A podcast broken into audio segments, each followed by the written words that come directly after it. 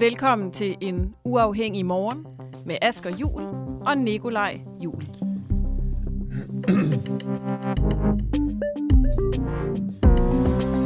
Klokken 4 i nat dansk tid, der gav Putin øh, tilladelse til angreb i Ukraine, og det er øh, hermed sket. Der er meldt om eksplosioner flere steder i Ukraine, her blandt i Ukraines hovedstad Kiev. Øhm, og derunder flere ukrainske byer, der er blandt Odessa mod syd og øh, Mariupol, som ligger i øh, republikken Donetsk. Og øh, der er altså meldinger om flere fors- angreb forskellige steder. Og Ruslands FN-ambassadør, han har retfærdiggjort det her som en militær operation, der er selvforsvar. Krigen er i gang. Velkommen til en øh, uafhængig morgen. Vi har selvfølgelig ryddet fladen og kommer til at prøve at finde ud af, hvornår Kiev falder, og, øh, og hvad der i virkeligheden sker i Ukraine lige nu her. Fordi mens vi sov, der er der sket ting og sager, og det er sådan en morgen, hvor det er en lille smule svært at få et overblik, men der er altså en, øh, en krig, der er startet, øh, og en, inv- en fuldbyrdet invasion af Ukraine angiveligt i gang. Øh, det er i hvert fald, hvad øh, Ukraines udenrigsminister siger... Øh, Putin has launched full-scale invasion. Du kan selvfølgelig øh, blande dig i vores program, ligesom det plejer at være. Øh, skriv til Nikolaj og mig inde på øh, Facebook, øh, inde i kommentarsporet, eller send en sms til 1245, så skriv DUA, D-U-A-H, mellemrum, og så din besked. Prøv at stille nogle spørgsmål, som vi kan prøve, så prøver vi at svare på det. Vi, vi ringer til alle mulige eksperter i løbet af morgenen, folk der er i Ukraine, og folk der følger med herhjemmefra. Det kan både være om strategi, det kan også være om øh, ja, altså bare hvad der sker Ja, øh, hvis, lige du, nu. Ikke? øh, hvis du har et tip til, til en person, du kender, der er i Ukraine lige nu, så er vi selvfølgelig også meget, øh, meget interesserede, fordi vi, vi forsøger løbende at få, få kilder på. Og vi ringer simpelthen... Øh, det her det er Anders Puk Nielsen, vi ringer til fra Forsvarsakademiet, som er den første, der har sagt ja til at være med. Det er Anders. Hej Anders, det er Asger Jul. Du er i radioen lige nu. Nå, jamen goddag. Goddag. Godmorgen. Øh, Jeg har lige, jeg har lige introduceret dig. Uh, tak fordi du var med. Hvad sker der lige Jamen, nu? selvfølgelig. Hvad ved du om, hvad der sker? Jamen, jeg ved jo ikke særlig meget mere end det, der er i, øh, i medierne. Øh, altså, øh, det russiske angreb er sådan for alvor gået i gang nu, og øh, det er lige nu en, mest en luftkampagne, lignende imod øh, nogle strategiske mål. Øh, strategiske mål i forhold til militæret og, og nogle af de større byer. Øh, og øh, så må vi jo se, øh, hvad, hvad der kommer til at spille sig ud på landjorden, og hvornår øh, de eventuelt kommer med deres øh, kampvogne og, og infanteri og sådan noget. Men, øh, men man må sige, at krigen er en realitet nu, øh, og, øh, og, og når det er kommet så vidt, som det er nu, jamen så, så, så bliver det heller ikke en lille operation. Altså målet øh, må fra russisk side nu være simpelthen et, et regimeskifte, at man kommer ind og, og udskifter regeringen i, øh, i Kiev med, med en, en pro-russisk regering i stedet for. Så du tror, at russerne, at Putin nu vil invadere hele Ukraine og indtage Kiev?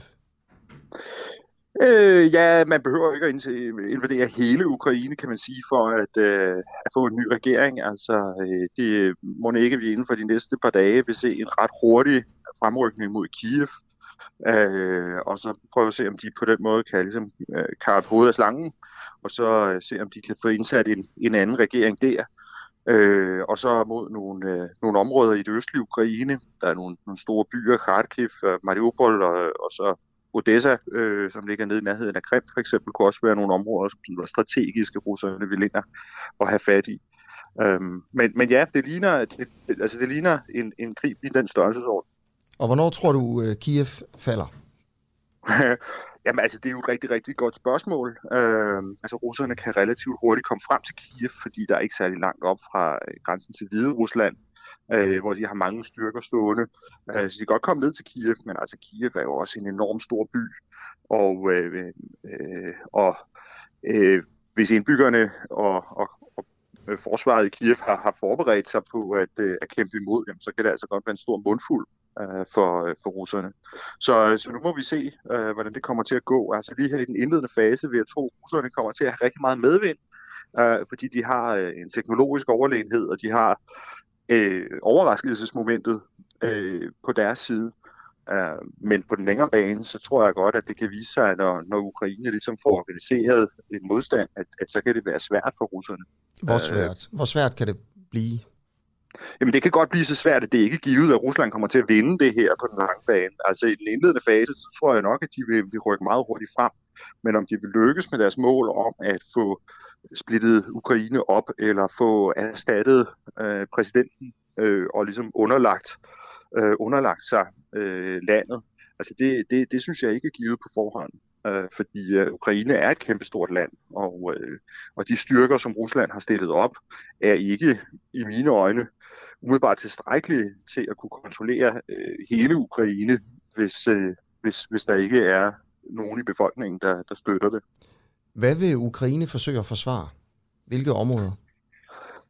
Øh, jamen, jeg tror faktisk, at vi, øh, vi vil se, at Ukraine i første omgang vil prøve at undgå at komme i, i direkte kampe, fordi øh, altså, eller i hvert fald for at tabe for meget i, der, i direkte kampe, fordi de er underlegne. Så hvis man, hvis man nu forestillede sig sådan en, altså i gammeldags forstand, ikke, de to herstyrker, der stillede sig op over for hinanden, og så begyndte at marchere hen mod hinanden, og, og så, øh, så slås ind til den ene havde vundet, jamen så vil Rusland vinde.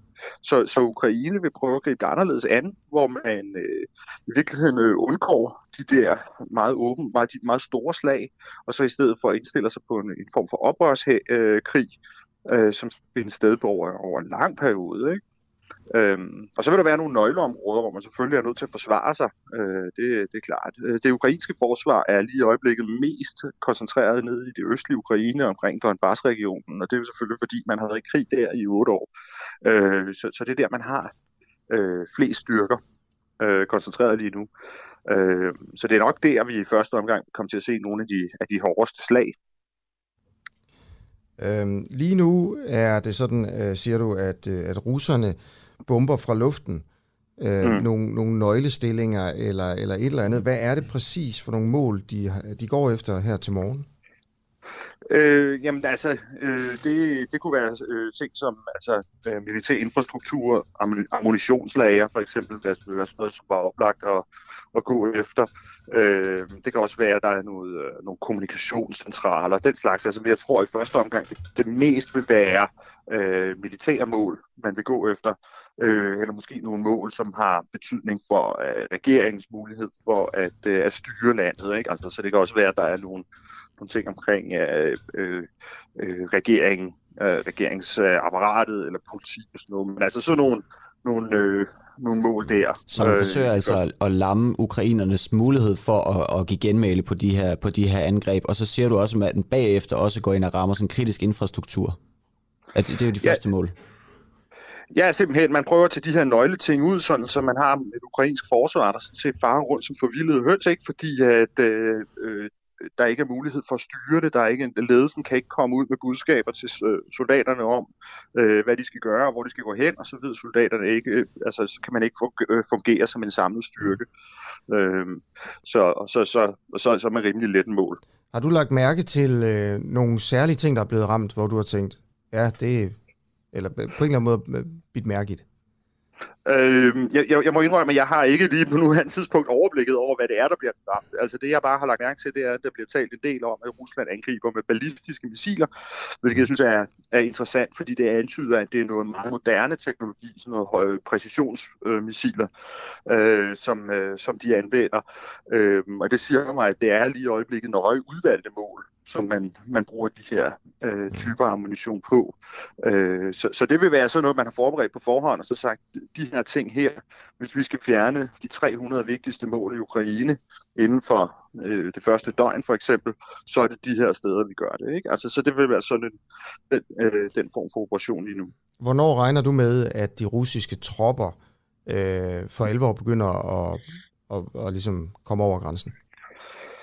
Ja, man kan sige, øh, den måde, vi, vi i Vesten typisk gør det på, er, at vi har sådan en, en øh, luftkampagne, der varer rimelig længe i virkeligheden, og så øh, øh, for, for ligesom øh, øh ryddet vejen, inden landstyrkerne kommer ind. Men russerne har sådan lidt en anden doktrin, hvor de plejer at komme rimelig hurtigt bagefter med, øh, med landstyrkerne. Så, øh, så hvis jeg skal gætte, så vil jeg faktisk sige, at jeg tror, at vi kommer til at se dem sådan inden for et par dage øh, være, være, være til stede. Øh, og, og man kan sige, det kan jo også give mening, hvis det er, man vil lave det der med at kappe af, af slangen, som jeg snakkede om der, at de så meget, meget hurtigt sørger for at komme ned og stå omkring Kiev, øh, for ligesom at få isoleret byen der. Mm. Øh, for cirka 37 minutter siden, der øh, meldte det amerikanske nyhedsmedie CNN ud, at øh, der er militære tropper, der har krydset grænsen mellem Ukraine og, øh, og Belarus, både med tropper og militære øh, køretøjer. Ja, Øh, og, og hvis det er tilfældet, så er det jo nok dem, der skal ned omkring Kiev, som jeg lige snakkede om, ikke? at det kunne give mening at komme hurtigt derned.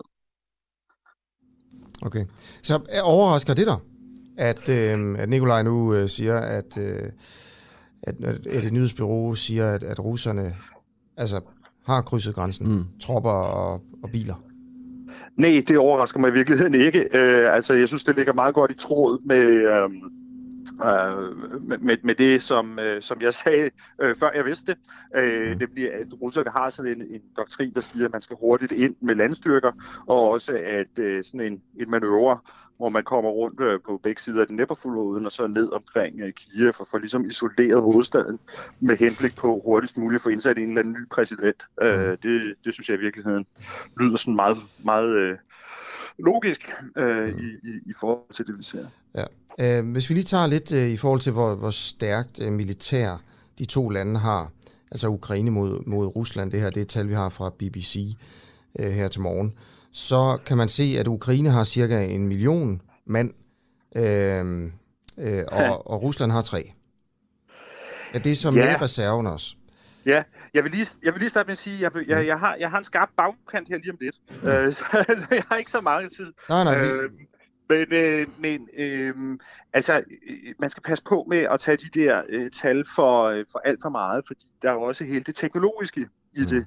Øh, og, og spørgsmålet om, hvor meget, hvor moderne er de våben, som de kan bringe ind til, øh, til, til kamppladsen. Og øh, Øh, der må bare sige, at russernes våben er simpelthen en generation eller to nyere end ukrainerne, så det er derfor, det er rigtig svært, at selvom man sætter de her tal op, så kan man godt sige, at der måske er i virkeligheden lige mange øh, på nogle områder. Øh, så, så, så gør det bare en kæmpe forskel, om man sidder i en kampvogn, der er fra 60'erne, eller man sidder i en kampvogn, der er, øh, der, der er fra 90'erne. Øh, og det samme med flyvemaskiner, det samme med missiler og, og så videre. Så Rusland har en masse fordele, når det er en en mod en kamp. Men de der tal, de siger jo også, hvor svært det kan blive for Rusland at holde styr på det her, hvis det er, det kommer til den her oprørskrig, øh, som jeg talte om, som jeg tror, det her godt hen over den næste måned, to måneder, måske kunne udvikle sig til. Mm. Øh, så kan det godt vise sig at være en meget, meget stor mundfuld for Rusland at holde styr på det her, fordi, som du siger, der er, der er altså rigtig mange ukrainere, som godt kan finde ud af at, at, at bruge en rifle. Okay, vil du have tusind tak, fordi uh, du vil være med, Anders Buk Nielsen. Jamen, velkommen. Ja. Sådan er vi må hellere lade ham gå, Nikolaj. Ja, sådan er det jo. Ja. Øhm, det ukrainske militær har afvist rapporter om, at der er russiske soldater i, øh, i Odessa. Øhm, det blev meldt ud, at de ukrainske styrker har afværet et luftangreb og har kontrol over øh, situationen. Øhm, fra klokken 5 i morges har de russiske væbnestyrker altså øh, angrebet enheder i øst, øh, og også gennemført både missil- og bombeangreb mod blandt andet en lufthavn i Boryspil. Ja. Og så i flere østliggende byer skriver det øh, ukrainske militær. Øhm, dermed, altså det er jo, det er jo øh, det er en ret vild situation er sådan, at sidde i lige nu, fordi øh, altså, vi prøver at følge med i det hele live og sidde på alle, alle de nyhedssite, vi kan, vi kan finde op. Og jeg kan se, at Reuters her også, de melder om, at øh, der er bilkører på vej ud af Ukraines hovedstad. Folk er begyndt at tanke deres biler og øh, flygter simpelthen fra, fra Kiev, ja. også efter øh, Zelensky, Ukraines øh, præsident, har indført øh, militær undtagelsestilstand i landet.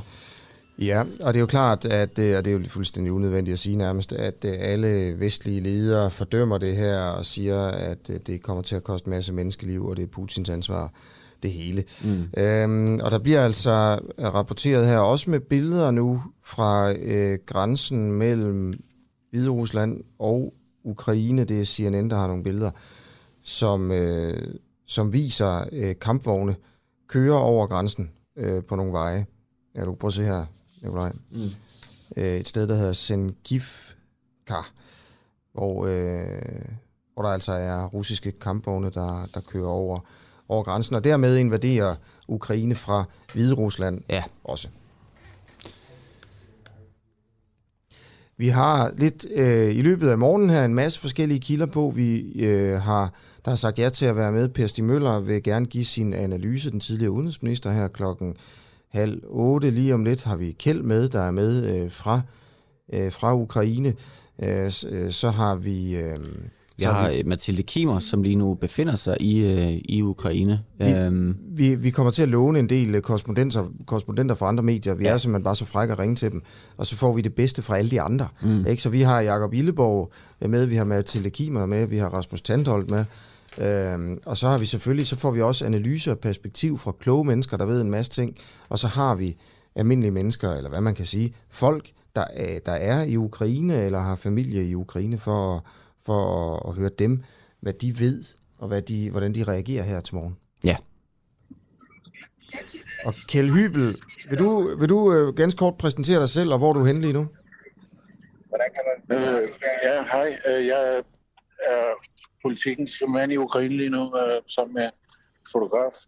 Øh, og er på vej ud af Kramatorsk, som er en øh, stor by i, øh, i Donetsk-regionen. Øh, på den ukrainske side af det er hovedbyen i, øh, i den ukrainske del af Donetsk, som øh, ja, her klokken 5 i morges, eller lidt i 5, der blev vi vækket af nogle, nogle, nogle, nogle bombedrøn og bilalarmer, der gik i gang på hotellet, og søgt ned i kælderen, og øh, hvor det var et hotel med mange udenlandske journalister, så der var godt fyldt op i kælderen.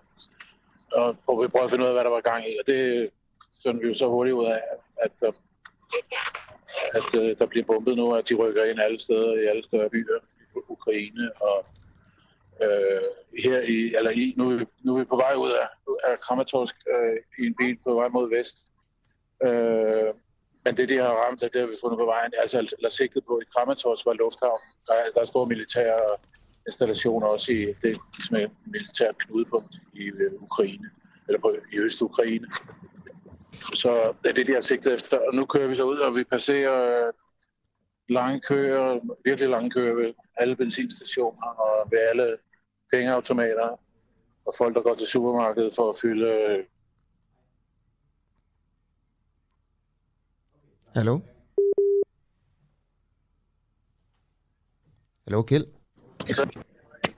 Hallo? Hallo?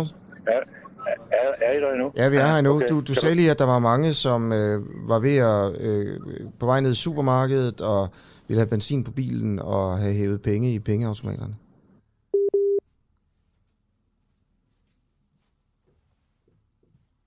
Hallo? Kjeld? Øh, der er en lille smule dårlig forbindelse, Kjeld. Men sådan er det jo. Vi prøver at ringe til Kjeld Hybel lidt senere. Øhm, som altså er på vej ud af Krematorsk. Og i, i Krematorsk øh, var det jo, jeg mener, det var et af de første steder, hvor der faktisk var meldinger om, øh, om, øh, om bombardementer øh, i, øh, i Ukraine her, øh, i, i, den her, i den her omgang. Okay, jamen altså, du er lige nu øh, på Den Uafhængige vågnet op til en morgen, hvor øh, Rusland er i gang med en, øh, en invasion af Ukraine i første omgang med bombardementer af vigtige militære anlæg øh, og øh, hårde kampe ved, ved grænserne, men, men så altså også øh, til en morgen, hvor russiske kampvogne er øh, rullet over grænsen og ind i Ukraine, for eksempel fra Hviderusland. Rusland. Øh, det bliver meldt af flere forskellige øh, øh, øjenvidner. Øh, det bliver også meldt af, den, øh, af grænsevagterne, de ukrainske grænsevagter, men der er også video af det mm. på, på CNN, hvor man kan se kampvogne køre øh, over grænsen. Ja, ligeledes så er der jo også meldinger om, at øh, de første de første dødsfald jo selvfølgelig også er kommet fra, fra den østukrainske side, hvor der altså har været hårde, hårde kampe i løbet af, i løbet af natten. Ja. Skriv ind til Nikolaj og, og jeg med kommentarer og spørgsmål til, hvad du tænker om, øh, om det her. Øh, et, et åbent spørgsmål, som jeg er interesseret i, det er jo selvfølgelig, hvor meget skal Ukraine kæmpe mm. imod, og hvor meget bør de egentlig kæmpe imod her? Hvis man har tabt en krig på forhånd, skulle man så for at redde menneskeliv rulle sig om på ryggen, øh, som vi selv gjorde, da tyskerne angreb i 1940, i stedet for at kæmpe en kamp, man alligevel taber, og dermed øh, spiller en masse unge mænds liv. Ja, lige præcis. Og vi ved jo øh, lige nu, at øh, forsvarsminister Morten Bødskov er i gang med en større koordination af de allierede for ligesom at finde ud af, hvad skal vores strategi være, hvad skal vores tilbagesvar være fra vestens side mod den her øh, russe, russiske inv- invasion af, af Ukraine. Um, vi vil lige prøve at se, om der er nogen, der har skrevet her. Husk, I kan skrive ind til Nikolaj og mig på Facebook eller på, øh, øh, på, på sms øh, 1245 DUA, D-U-A-H, mellemrum, og så bare beskeden. Mm. Øh, og vi hører jo, altså hvis vi lige tager troppe, hvad kan man sige, øh, øh altså hvor store hære, der egentlig står over for hinanden her, og vi hører jo også fra eksperten fra Forsvarsakademiet, man skal tænke på, at der kan være forskel på, hvor teknologisk godt det egentlig er. Øh, så, så, er der, så er der en stor forskel. Øh, Rusland har 3 millioner soldater, Ukraine har 1 million. Hvis du ser på, øh, på hvor mange fly de har, så er det et helt andet tal her. Der har Rusland 1.500 fly, og Ukraine har 100. Og i forhold til helikopter, altså angrebshelikopter, der har Ukraine 34, Rusland står med 544 kampvogne. Der har Ukraine 2.500, Rusland har 12.200. Og øh, sådan er tallene hele vejen igennem. Det er, at Rusland har enten tre gange så meget, eller mere end, øh, end tre gange så meget. Op til 15 gange så meget i forhold til sådan ren kvantitet. Mm. Men i forhold til kvalitet, hvor, hvor, hvor godt det er, altså hvor, hvor gode kampvogne er for eksempel, der, der er Rusland endnu mere foran. Mm. Altså de har bedre kvalitet. Så det er altså det, det er David mod Goliat lige nu i Ukraine i forhold til sådan militær kraft. Ja, og ligeledes øh, på den, på den cyber, øh, cyberangrebsmæssige front, fordi øh, som vi også hørte Anders Puk Nielsen, så går man også ind og lammer en sådan, sådan kritisk infrastruktur, som både gælder, sådan, altså det gælder selvfølgelig militær, men man går også ind og, og lægger en form for røgslør, så der ikke kan foregå kommunikation i, øh, imellem, øh, imellem de sådan, i, ja, i, ukrainske, de ukrainske militærs overhoveder i, øh, imellem, så man ikke kan kommunikere, så man faktisk render rundt som en, som en høn uden, øh, uden hoved. Jan, øh, Jan skriver skrækkeligt, øh, at, at Putin angreb. Øh, trist morgen i Europa, mener Jini, at øh, det er. Anders Brahe Hækman øh, laver ukrainske flag inde på vores øh, Facebook-side øh, her, og altså et, en klart støtte til, til Ukraine. Jeg tror, de fleste danskere synes, at øh, øh, at, at det er Ukraine, der er den part, man på en eller anden måde har sympati for. Øh, her. Godmorgen, spørger lige øh, Jynke, om han øh, kan komme over og være øh, politisk kommentator hos jer nu her. Nej, det kan han ikke her til morgen. Nej. Det, øh, hold da, hold da magle, er der nogen, der skriver. Og så skriver Hugo Nielsen ro på. Øh, Mette, Mette Frederiksen har sagt til Putin, at hun ikke vil være med til det her. Okay. Øh, og Rasmus Dalsgaard Andersen skriver, vi har valgt at svigte Ukraine i den her krise, hovedløst øh, lagt alt vores håb i blød diplomati. Og der er altså en, der mener her, at vi skulle have sat mere hårdt mod hårdt i mm. forhold til, til Putin for at forhindre det her. Ja, vi skulle have gået ind, øh, vi skulle have gået ind hurtigere i stedet for fordømmelser og sanktioner, skulle man nok have gået, øh, gået hårdt til. Sebastian Engelbrecht, han skriver, øh, det giver ingen mening for Ukraine. Oh, nu skal jeg lige... Det vælter ind med, med kommentarer, så den forsvandt lige. Det giver ingen mening for Ukraine at kæmpe imod. Der er ingen grund til, at deres borgere skal dø i en ulige kamp. Modstanden mod resten af verden øh, må, øh, må danne en samlet front mod det russiske øh, diktatur. Og det er jo, øh, altså nu ved vi jo ikke i forhold til borgerne, om man også er begyndt at angribe civile, civile mål endnu. Det virker til, at det mere er militær, øh, militær strategiske mål, man prøver at, man prøver at ramme lige nu. Øhm, og hvordan forholder de menige russere sig til angrebet på Ukraine? Det er jo et godt spørgsmål, Gitte Askholm. Øhm, de sider, jeg har læst på, der, øh, der virker det til, at øh, amerikanerne bliver, eller Vesten i hvert fald bliver fremsat som, som dem, der er den aggressive, øh, og ikke, ikke så meget Rusland. Det er måske, hvad man kan forvente fra russisk stats-tv. Øhm. Jeg ringer lige til Per Stig Møller. Ja. Han har sagt, at vi godt må ringe, og vi kan prøve. Tidligere udenrigsminister, som da jeg ringede til ham her i, øh, i morges klokken halv seks. Ja, hallo. Ja, hej Per Stig Møller, det er Asger Juhl uh, inden fra Den Uafhængige. Du er i radioen Nå, lige nu, Per Stig. Det er ja. ja, jo, jo. Uh, godmorgen, Per Stig. Godmorgen, er vi på nu? Ja, du, vi er på nu. Du er på. Okay. Hvad er dine tanker her til morgen? Hvad laver du? Jeg har lige været i bad. Jeg stod op klokken 5, og så så på netaviserne, at der var uh, invasionen havde fundet sted. Så åbnede jeg for radioen, men der var selvfølgelig ikke noget, for vi har jo ikke Radio 24-7 mere. Så der kørte bare et sædvanligt program, når man Danmarks Radio burde jo smilke det her hænderne og rykke ind i nyhedsredaktionen. Ja. Nå, men nu har jeg i hvert fald været i stand til at følge med. Og uh, jamen, jeg har jo skrevet det tidligere, og jeg skrev det også for 14 dage siden, at uh, Putin kunne godt bruge den gamle sovjetiske metode. Og det er jo faktisk den, det ser ud til, at han bruger. Og hvad er den? Ja, det betyder jo besætte landet. Arrestere regeringen, øh, lave en kulselstation, måske også nogle standarder, øh, og så, så få styr på, på landet her med, med frygt og terror. Og øh, ja, det ser ud til at være den sovjetiske metode, den der KGB-agent bruger. Mm. Så hvad tror du, der kommer til at ske nu?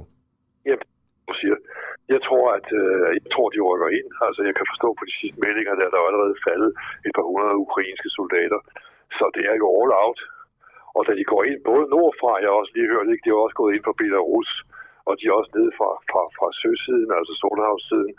Øh, så det er jo knivtangsmanøvre, og, og, og derfor tror jeg faktisk, de går ind. Og så øh, har jeg også sagt, at øh, Ukraine regeres af neonazister og krigsforbrydere og, og øh, folkeret for, hvad ved det, øh, ja, ja, altså forbryder mod, mod, mod, mod, mod menneskerettighederne.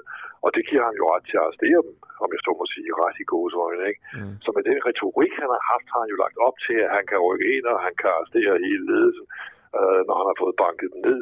Og så kan han indsætte sådan et skræk-regime, og så regne med for Rom og Ukraine. Det var jo den metode, de brugte i Ungarn i 56, og det er den metode, de brugte i Tjekkoslovakiet i 68, og det er noget, der tyder på, at det er jo præcis det samme, vi nu ser. Mm. Er der noget, der overrasker dig her til morgen? Nej, det kan du høre, det ikke er, for jeg har skrevet det. Men ja. øh, jeg kan håbe på, at jeg har uret, at han øh, sætter øh, barn lavere. Altså, at han øh, sætter ja, nøjes med Donbass, men det tror jeg ikke efter det, der sker i dag, for så var han ikke gået så kraftigt ind i Vest-Ukraine. At han øh, på et eller andet tidspunkt så siger, altså okay, jeg kan nøjes med øh, arealet øst for Djebber, øh, og rive det løs. Mm. Øh, det er jeg så heller ikke tilfreds med, så er der stadigvæk Ukraine tilbage. Jeg synes, den her overgående ind både fra nord og fra syd og fra øst, at den tyder på, at det er meget mere end Donbass, det her drejer sig om. Det er simpelthen larme Ukraine for ever. Ja. Øh, vi sad lige og snakkede om her øh, lige for lidt siden, om det her med, om, om Ukraine skulle forsvare sig selv, altså i hvor høj grad man som sådan en, en, øh, øh et, et lille land i forhold til Rusland jo, skal gå ind og forsvare sig selv militært. Øh, og så sad vi og snakkede lidt om 1940 øh, i Danmark, hvor vi jo valgte at rulle os om på ryggen rimelig hurtigt. For ja, vi rive plasteret af med det samme. Ja. Hvad, hvad, hvad tænker du om, om det Ukraine gør, og hvad Ukraine burde gøre i sådan en situation her? Ja, altså meget nødt være klogt med. Altså, øh, det kommer jo helt an på den kampvilje, der måtte være i Ukraine. Øh, den øh, vilje til ikke at øh, bøje som vi kæmpede så også i 1864 og 1848 så vi også andre fortilfælde. Uh, så så og den vil jeg meget øh, bide spids på, fordi det er ukrainerne selv, der kan vurdere, om det her skal der kæmpes imod, således at man altså ikke bare har givet op. Uh, Churchill sagde det noget før, et land, der bare giver op, genopstår ikke. Et land, der kæmper, genopstår alt. Det er ikke historisk helt korrekt, men det var så den indstilling, han havde, da han gik ind i det. Altså, de håber vel også på, at vestens sanktioner nu bliver så voldsomme, så Rusland ikke gør det, jeg har stået og sagt, altså tager det hele og, og lammer øh, Ukraine. Mm. Øh, men der er jeg jo bange for, at Vesten som sædvanligt ikke reagerer nok. Og jeg kan være meget bitter over, at øh, vi ikke fik det med i 2008, hvor vi faktisk prøvede. Vi var jo mange, der prøvede at få dem med i NATO i 2008. Men det blev forpurret blandt andet af Norge, og der statsminister Stoltenberg var med til at forpure det, og nu sidder han så og kan mærke smerterne alle som NATO's generalsekretær sin fejlbeslutning i 2008. Så skulle, altså skal vi gøre, hvad, hvad, er der noget, man kan gøre fra dansk side nu her, eller Vesten? Nej, ikke andet end det her, at sørge for de skrappest mulige sanktioner. Altså det, det er det eneste, vi kan gøre. Altså vi har jo sagt, at NATO rykker ikke ind. Og, øh, og Danmark kan jo ikke rykke ind selv, altså det giver jo ikke nogen mening. Øh, våben har man sendt til dem, og Tyskland har reageret med, med Nord Stream 2. Altså det er de skarpest mulige sanktioner, og der kan man så frygte, når det holder, ud, skal jo så være toppet i EU i dag, altså så kan man jo så frygte, at, at det bliver det ikke alligevel, og amerikanerne og britterne vil jo ikke nogen stærke, stærke sanktioner i forgårs. Det har Putin jo også konstateret, og det pjat der, ja, det behøver jeg ikke tage alvorligt. Så altså, når London ikke kan være i stand til at få lappet øh, russerne i deres øh, finanscentrum, hvor de har liggende milliarder og milliarder, og når russerne ejer det ind på London med alle deres luksuslejligheder, og det kan de heller ikke tage fra dem, altså så er det jo ikke sanktioner, der bider overhovedet. Nu skal de altså tage sig sammen, hvis de overhovedet skal vise noget, øh, at, at de støtter Ukraine, så er det kraftige sanktioner, blandt andet i London. Besti Møller, tusind tak, fordi du vil være med. Ja, velkommen. Ja. Tak. Hej. Du. Hej. Hej. Det var altså den tidligere udenrigsminister her, Per Stig Møller, der er jo også øh, der er jo konservativ øh, udenrigsminister, medlem af Folketinget i mange, mange år, og øh, har altså også været formand for, for de konservative i en, øh, i en kort periode. Så her med en analyse fra en mand, der faktisk havde set det komme, øh, og, og som siger, at nu er der ikke rigtig så meget mere at gøre, øh, andet end nogle hårde, øh, hårde sanktioner mod, mod, mod Rusland, altså endnu hårde sanktioner, og ramme dem, for eksempel de rige russere i, i London. Øhm, og interessant analyse også her, hvor, hvor altså Per Stig Møller siger, jamen han mener i hvert fald, det kunne være undgået det her, hvis man havde optaget Ukraine i, øh, i NATO øh, for, for de her sådan øh, 13-14 år siden, øh, da man egentlig havde muligheden. Andre vil jo selvfølgelig sige, at jamen, det havde jo bare provokeret øh, Rusland endnu mere, hvis man havde gjort det. Men altså, hvis Ukraine havde været med i NATO i dag, så er det jo ikke sikkert, at Putin han havde ture og invadere.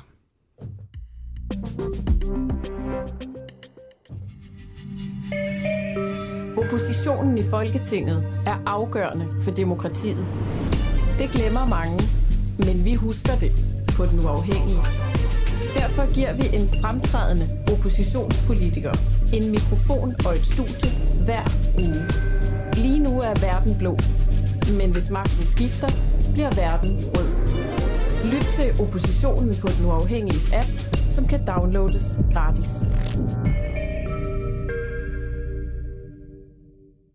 Ja, du lytter til Den Uafhængige på den morgen, hvor øh, Rusland altså har, øh, har valgt at invadere Ukraine. Det er jo sket, mens vi, øh, øh, mens vi sov alle sammen. Øh, der er angreb på strategiske mål fra, fra luften og med missiler, og så er der altså øh, kommet russiske tropper ind over grænsen til Ukraine, nordfra i Hvide Rusland, sydfra øh, fra, fra havet, og, øh, og så også fra selve Rusland. Ja, og Kharkivs, øh, en øh, by i Ukraine. Den næststørste by. Den næststørste by. Deres borgmester han advarer borgerne om at øh, forlade deres hjem. Øh, det er altså en opfordring til øh, borgerne i Ukraine. Ja, næststørste by fra borgmesteren Igor Terekhov. Uh, han skriver en opdatering på Facebook, at byens institutioner er lukket, indtil situationen bliver klar, mens den offentlige transport bliver ved med at køre. Så det er altså en by, der, der ikke hvad skal man sige, råber rigtig vagt i gevær nu. De advarer i hvert fald om det, og lige om lidt, så skal vi snakke med Mathilde Kimer, DR's korrespondent i Ukraine, der netop befinder sig i, uh, i Kharkiv, der altså har meldt om, at uh, hun blev vækket af, af bomber her klokken, uh, klokken, fem i, uh, klokken fem i morges. Uh, inde på vores Facebook-side skriver uh, Jugoslav Pavlovic, at uh, den uafhængige ikke er objektiv eller neutrale. Og det er selvfølgelig fint nok, men Jugoslav Pavlovic Øh, kan vide, hvad du mener om, øh, om, om at, øh, at, at Rusland har invaderet Ukraine. Det bliver jeg lidt interesseret i. Skriv det meget gerne ind på Facebook, så kan vi, øh, så kan vi læse med. Og, og hvis det er interessant, kan vi eventuelt have dig med i, øh, i radioen mm. øh, her til, øh, til morgen. I øvrigt et gode bud på, hvem vi kan ringe op, som man måske også kan høre, så er det her jo, det er det i hele taget et medie, der asfalterer, mens vi ligesom kører og lægger jernbaneskinnerne øh, ned sådan... Øh, forfra, altså foran lokomotivet. Så, øh, og det gør vi også her til morgen, og det er det, der øh, egentlig gør det rigtig øh, spændende og sjovt også, synes jeg i hvert fald, fordi øh, vi ved ikke rigtig, hvem vi har på, øh, og, og hvordan, hvordan vi kommer til at dække det her. Det eneste, vi ligesom lover, det er, at vi er på alle nyhedsmedierne, øh, de, både de danske, men også de udenlandske, BBC, CNN og alt det her. Øh, Russia Today selvfølgelig også for at få det, det russiske perspektiv.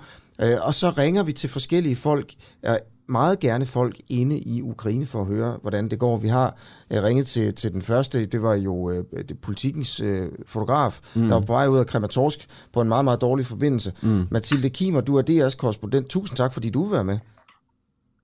Det var så let. Jamen det synes jeg da ikke. Du har da sikkert rigtig, rigtig travlt øh, i dag. Hvor, hvor er du henne lige nu, og, øh, og hvad, hvad, ja. hvad har du set? Øh, jeg er i Kharkiv, som er Ukraines næststørste by, ligger i den nordøstlige del af landet. Øhm, og jeg er vågnet, som jeg tror alle andre, der befinder sig i Kharkiv, til lyden af, af, bomber og eksplosioner tidligt, tidligt i morges. Øhm, og så har der været et par gange, har vi, har vi hørt bravene. Lige nu er der faktisk stille. Øhm, men det vi får at vide er, at, at, øh, at de her ballistiske missiler, siger Indrigsministeriet, at der har, har ramt ude, hvor øh, det ukrainske forsvar har nogle øh, sådan militære områder. Og øh, altså, hvor store brag har du hørt? Altså, hvor mange og sådan noget? Øh, det, det var meget, meget store brag. Altså, det var øh, meget anderledes end, end for eksempel mortergranater eller, eller grats. Altså, i går var jeg øh, ved frontlinjen, hvor der også var meget, meget aktiv, men, men en helt anden type brag, og det var heller ikke, øh, det var heller ikke artilleri. Så det var, øh, det var formentlig de her ballistiske missiler, sådan meget, meget tung, dyb øh, lyd.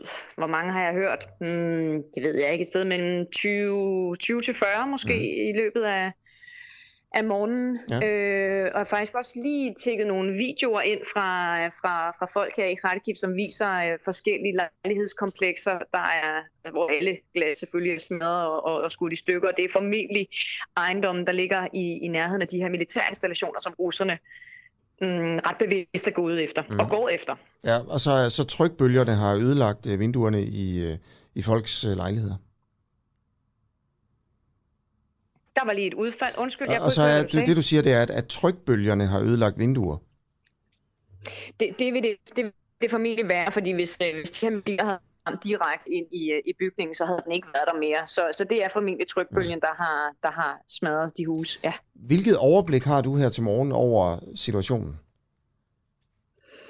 Oh, altså, jeg tror ikke, at overblik er det rigtige ord i hvert fald, men man kan sige, at jeg, jeg, jeg forsøger at øh, holde mig orienteret. Både Indrigsministeriet og Forsvaret giver jo hele tiden meldinger om, hvad der, hvad der foregår, hvordan de oplever det.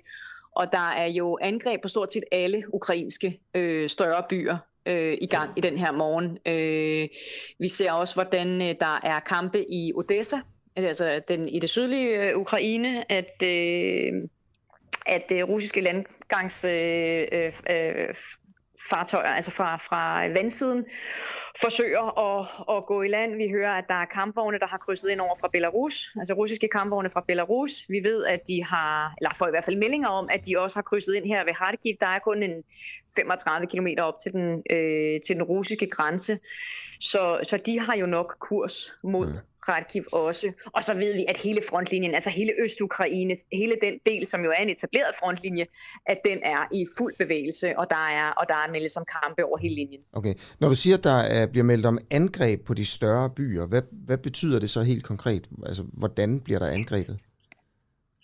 Øh, det står ikke helt klart for mig, om der har været luftangreb, altså om der har været beskydninger fra øh, fly øh, i, i Kiev, men der er i hvert fald blevet affyret øh, altså en hel række øh, missiler, mm, altså store bomber, øh, formentlig affyret inden fra Rusland, øh, mod forskellige steder i, øh, i Ukraine. Der er også, øh, det, det, ser, det ser meget øh, plausibelt ud, at der også er blevet affyret fra Sortehavet ind i Ukraine.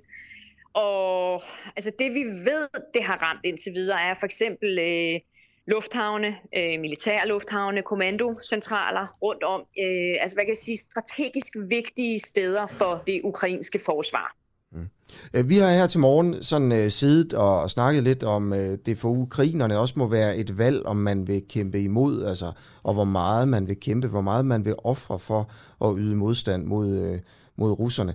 Hvad, hvor meget kæmper Ukraine her til morgen?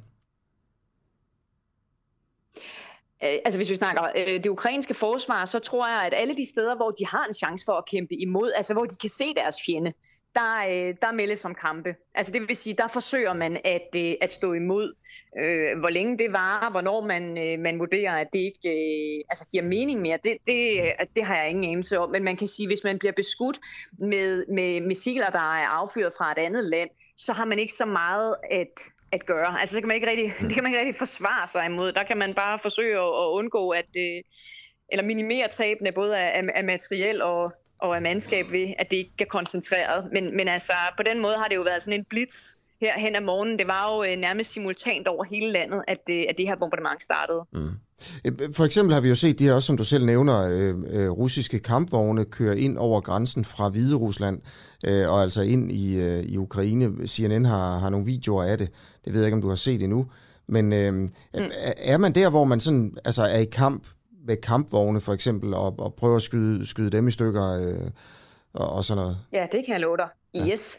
Ja. Det, det er præcis, hvad man gør, og, og det ukrainske forsvar melder også, at man har formået at skyde øh, mindst fem fly øh, ned ude i det østlige Ukraine, og de melder også om to helikopter. Altså det er så information, som den russiske side øh, afviser, og, og man kan sige, det øh, er voldsomt svært at verificere fra, fra afstand. Mm. Okay, det er jo vildt nok, altså, hvad, hvad der foregår her. Øhm, har du ellers bidt mærke i noget? Det er sådan et meget mærkeligt, underligt spørgsmål, sådan noget her, ikke? Øh, som du har set eller læst eller, eller hørt her til morgen, øh, som der på en eller anden måde altså, sidder i dig? Eller du, du synes, det var særlig interessant? Uh, ja, jeg ved ikke. Altså interessant og interessant. Altså, det, man kan sige, det, det er jo... Øh, det er jo i gangsættelsen af den store krig, som Rusland hele tiden har afvist, at man var i gang med at brygge på. Og, og på den måde, så tror jeg, at de fleste af os, der enten bor i Ukraine eller, eller opholder os meget, har jo i de sidste mange uger klyngede os til et håb om, at det ikke var rigtigt. Altså, at de her meldinger ikke var rigtige om, at man pynsede på en, øh, en invasion, og at det i hvert fald som minimum ville være koncentreret ud omkring frontlinjen. Og, og der, øh, der må man bare sige, at der blev vi vækket af virkeligheden øh, omkring klokken 5 lokal tid. Og, og, og det, øh, altså, det var meget det, det tror jeg simpelthen for de fleste ukrainer, der har været i, i en afstand, hvor man har kunne høre de her bombardementer, har, var, var helt ekstremt surrealistisk og, øh, og skræmmende jo, at, øh, at, at vågne til de lyde af, af bombardement, og også åbne sin telefon og se, at det var ikke bare her, men over hele landet, at, øh, at krigen er gået i gang. Mathilde Kim, du har et indgående kendskab også til de, til de russiske, russiske medier. Hvad er meldingerne i de, i de russiske medier?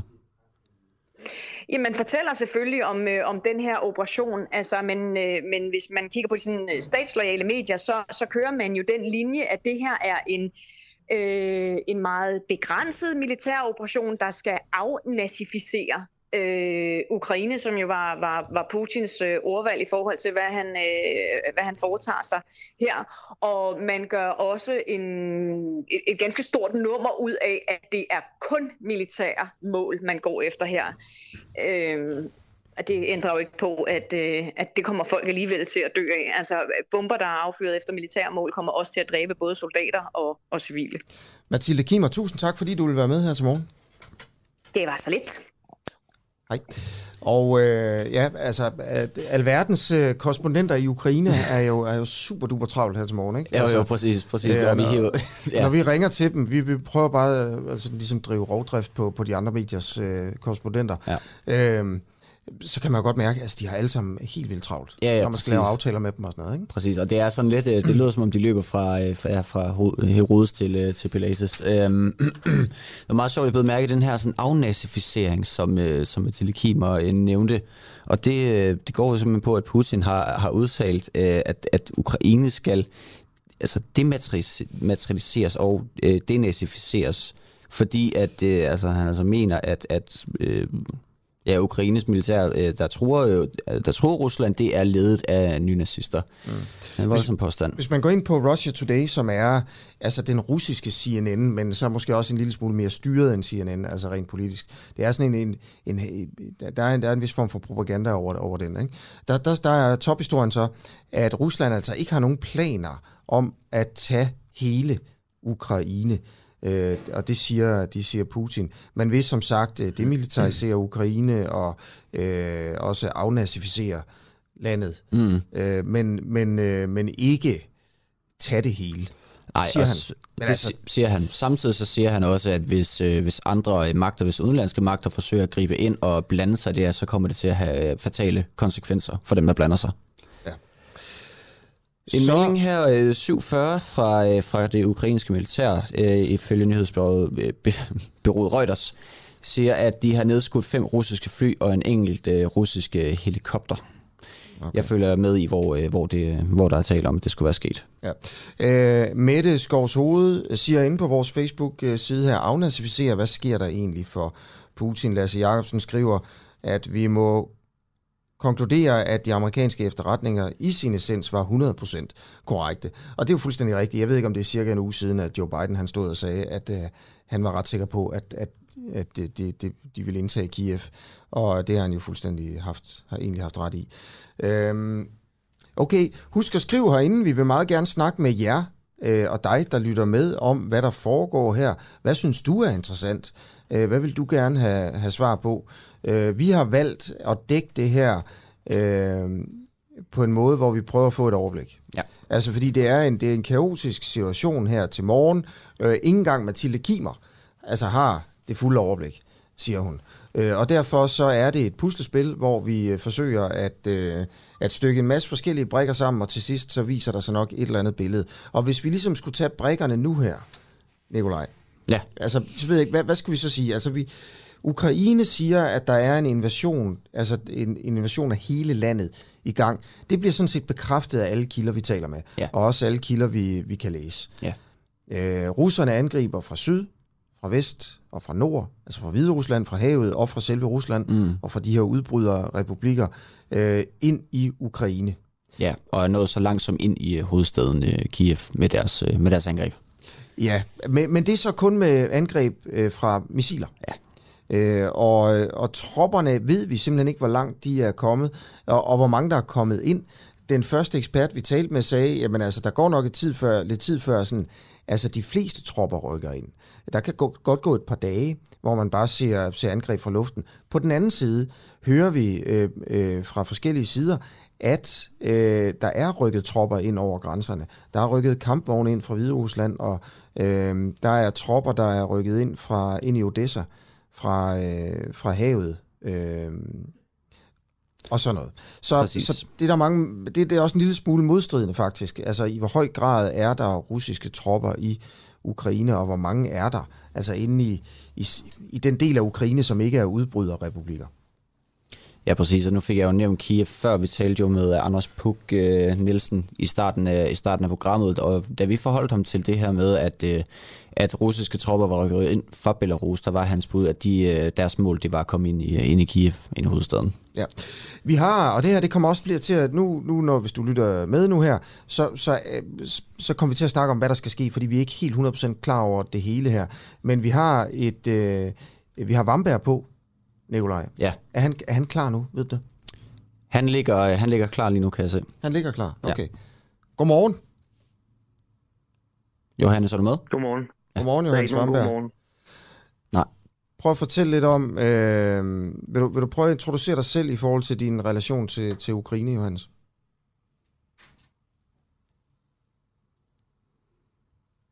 Hallo? Hallo? Hallo, Johannes. Øh, øh, jamen, øh, jeg har været jeg har været ind og ud af, Ukraine i 18 år og fungeret som journalist derovre og øh,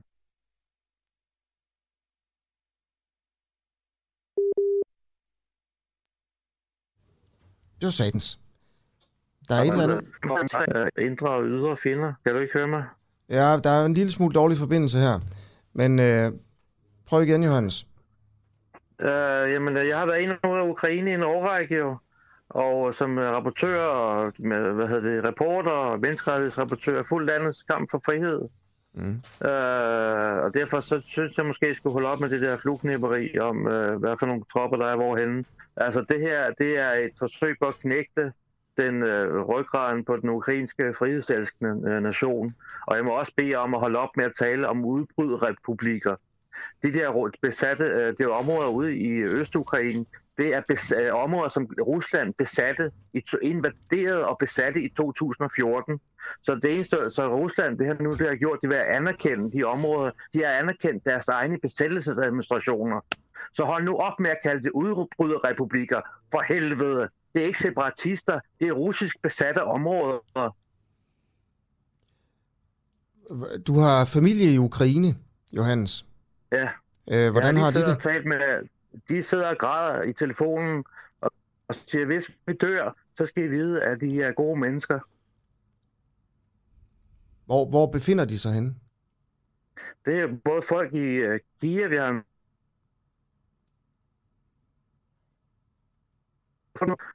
i syd, sydlig Ukraine ved, ved Odessa. Okay. Øhm, og hvad, hvad hæfter du der ved her til morgen, Johannes Vamberg? Hvad, jeg, hvad siger du? Hvad hæfter du der ved her til morgen i forhold til, hvad, hvad, der, hvad, hvad der sker, altså? Ja. Det er det, som jeg har frygtet. Jeg har frygtet hele vejen igennem, at, det, at øh, Putin var blevet så øh, øh, vred over, at han ikke på en eller anden måde kunne komme til at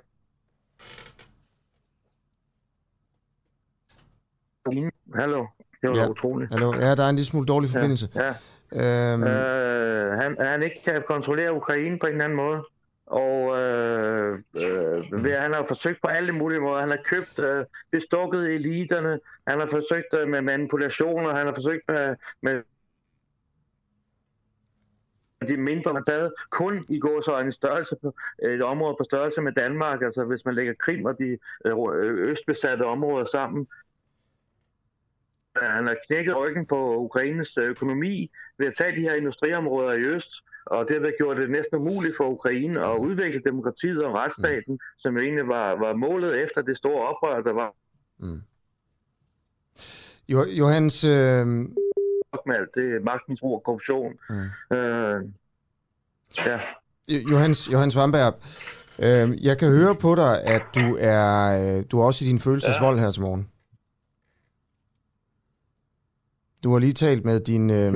ja, fordi ja. Øh, ikke min følelsesvold. Det, det, det, er noget, som, det er noget, som har været øh, i gang i otte år, det her. Og farmand her har været vred i otte år. Så det er ikke, det er ikke noget nyt på den måde, men øh, det er ikke særlig sjovt, det er da klart. Mm.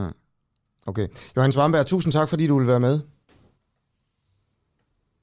Det er fint. Ja, okay. Og øh, altså Johannes her, der har, og der var en lille smule dårlig forbindelse, men, men mm. øh, har familie i øh, inde i Ukraine, som jo åbenbart sidder og græder nu her. Ja, som man altså lige, lige har talt med, ikke? Ja, som man lige har talt med. Øh, og ja, jeg, jeg er lidt i tvivl om, hvor meget man fik med af interviewet, men noget gjorde man jo her.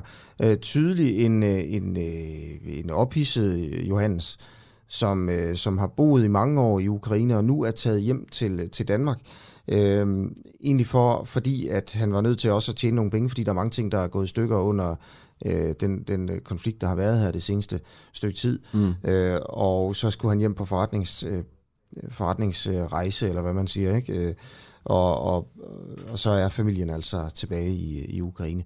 Det må være helt forfærdeligt. Det må være ganske, ganske forfærdeligt. Ja. Og ja, igen, tydeligt, øh, tydeligt bevæget. Øh, mand, vi havde med her, ikke? Øhm, og han beretter jo selvfølgelig også om, at han, han, er, han, er ret, han virkede også ret vred på os for vores, øh, for vores øh, dækning, og øh, det er måske i forhold til, øh, i forhold til Krimhaløen, hvor der netop lige nu er kommet meldinger om, at øh, det russiske militær er ved at fragte militært udstyr fra Krimhaløen og ind i, øh, ind i Ukraine. Ja, det er klart. Øh, det, det er jo sådan noget med, hvad, hvad bruger man det rigtige ord om, ja. om tingene og sådan noget, ikke? Ja, ja. Øh, udbryderrepublikker eller, eller besatte områder, eller hvad skulle man sige? Øh, og der sagde jeg udbryderrepublikker, det, det bliver det bare kaldt. Man kunne lige så mm. godt sige besatte områder, den synes jeg er helt fint. Ja. Ja, øh, og vi øh, vil bare lige sige her, at du lytter til Den Uafhængige. Du kan selvfølgelig skrive ind til os øh, på Facebook og på sms her.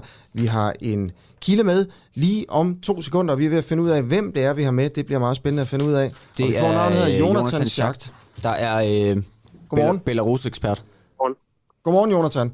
Øh, du er ekspert i, øh, i, i området, især i Hvide Rusland. Mm. Øh, hvad er der, kan du berette et eller andet interessant om, øh, om situationen her til morgen, som måske er set fra, fra det perspektiv?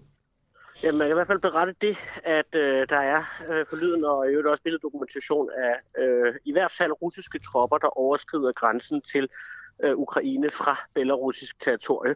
Og vi ved jo lige præcis, at der har været det her, der har heddet sig været øh, militærøvelser øh, i, øh, i Belarus med øh, russiske og belarusiske øh, tropper. Der er lige nu nogen øh, uklarhed om, om øh, belarusiske tropper også deltager direkte i angrebet på Ukraine. Øh, men klart er det i hvert fald, at der angribes fra belarusisk territorie. Okay, hvad, hvad, er, hvad, hvad består uklarheden i, øh, i forbindelse med det her, om, om øh, hviderussiske tropper også er på vej ind? Ja, altså, der er ikke kommet en officiel melding øh, fra, øh, fra, fra Belarus endnu, øh, og øh, der er heller ikke, øh, hvad skal man sige, kommet billeddokumentation ud øh, om, om de belarusiske tropper øh, deltager direkte i, øh, i invasionen, eller om de, så at sige, blot, om man vil, støtter den fra belarusisk territorie. Det er jeg sikker på, at vi bliver klogere på inden for de næste få timer. Mm. Okay. Øh, og i forhold til, hvor mange tropper, der er rykket over i Ukraine fra Hvide Rusland, hvad, hvad kan du sige der så? det er for tidligt at sige noget øh, som helst præcist om. Vi ved, at der, øh, at der er øh, over 30.000 øh, russiske soldater øh, i, øh, i Belarus forud for, for det her øh, angreb. Så, øh, så det kan være ganske betragtelige troppestyrker, øh, der bliver øh, flyttet rundt på. Okay. Har du øh, andre oplysninger øh, i, øh, i forhold til, øh, I hvert fald det her? at i går kom der en melding fra den øh, belarusiske forsvarsminister, hvor han fik sagt, at han tjente to præsidenter. Øh, altså både Lukashenko og øh, Vladimir Putin. Så, øh, så, så det her med at, at, at forestille sig, at øh, Belarus er en aktør, der opererer uafhængigt af øh, Rusland, det, øh, det ved vi i hvert fald ikke er tilfældet. Uh-huh. Okay. Øh, og øh, andre ting, du hæfter dig ved, eller har hæftet dig ved? Jeg tror, det er det, der er vigtigt at få sagt øh, lige nu, men det er klart, at dagen vil, vil byde på, på mere. Mm. Okay. Øh, og, og øh, følger du med også i, i situationen, altså inde i selve Ukraine? Så godt som jeg nu kan, øh, gør jeg selvfølgelig. Og, og hvad, hvad hæfter du dig ved der?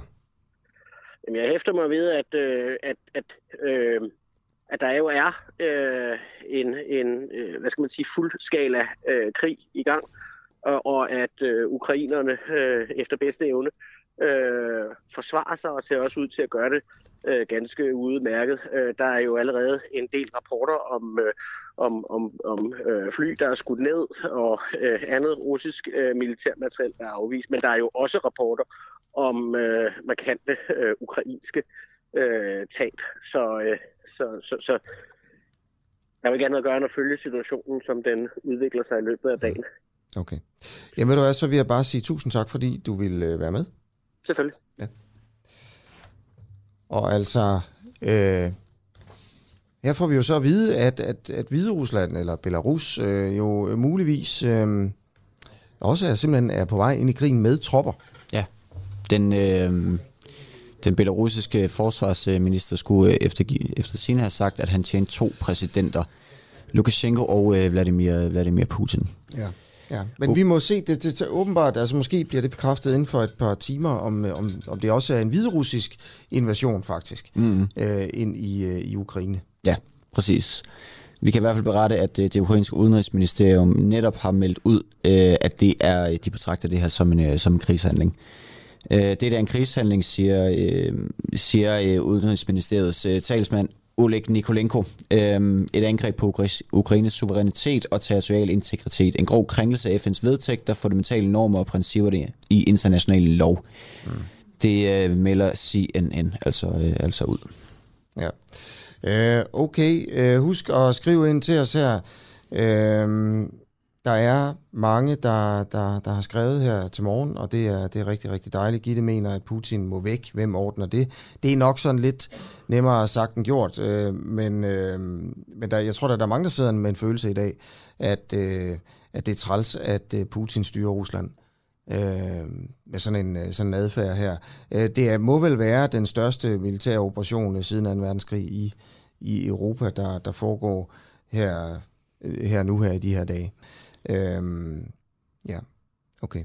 Øh, vi har øh, Illeborg med, Jakob Illeborg, som er BT's korrespondent, øh, som også følger situationen tæt. Øh, så er Peter Viggo Jacobsen med fra, øh, fra Forsvarsakademiet, øh, som er en analytiker. Der, der er sådan, Peter Viggo, han er sådan en, der, der kigger mere, ikke så meget på, altså hvor er den ene øh, kampvogn, hvor er den anden kampvogn, men mere sådan, øh, Øh, hvorfor sker det, og hvad er de store linjer i det her, og hvad er perspektiverne i, øh, i tingene. Og Peter Viggo Jacobsen, han er med på, øh, øh, på en telefon her om et kvarter, og efter ham, der er, har vi altså Rasmus Tandholt, øh, Rasmus Tandholt med. Øhm, Godt. Øh, situationen er, som sagt, invasion af Ukraine fra Rusland her til morgen. Det melder alle, øh, alle medier, det melder alle kilder. Vi ved bare ikke præcis, hvor stort det er endnu. Der er angreb fra, øh, fra luften, og øh, så er der også tropper, der er kommet ind over grænserne. Hver dag efter morgenudsendelsen kan du høre et særligt udvalgt interview i vores podcast Den Uundgåelige. Interviewet er valgt, fordi det er det bedste, det vigtigste eller mest interessante. Okay, Mariette, det er, altså nu, øh, du er selvfølgelig politiker. Hvem er det, der skal sidde i ledelsen? Øh, ja, hvem der skal sidde i ledelsen, det tænker jeg jo meget klogt, at jeg holder for mig selv. Hvordan får du øh, Martin Henriksen og Pia Kærsgaard til at blive gode venner igen? Det får jeg dem ikke til. Det, det tænker jeg ikke, de gør. Du finder den uundgåelige i vores app, eller der, hvor du henter din podcast. Et nyt interview hver dag. For dig, som ikke fik hørt hele morgenudsendelsen, men ikke vil gå glip af dagens bedste interview.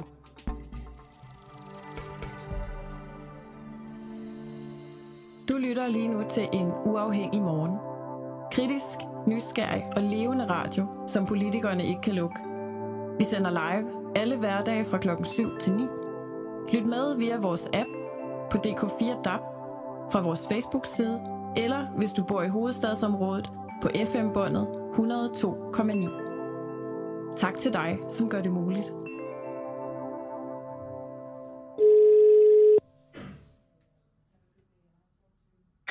Hør det, Jacob?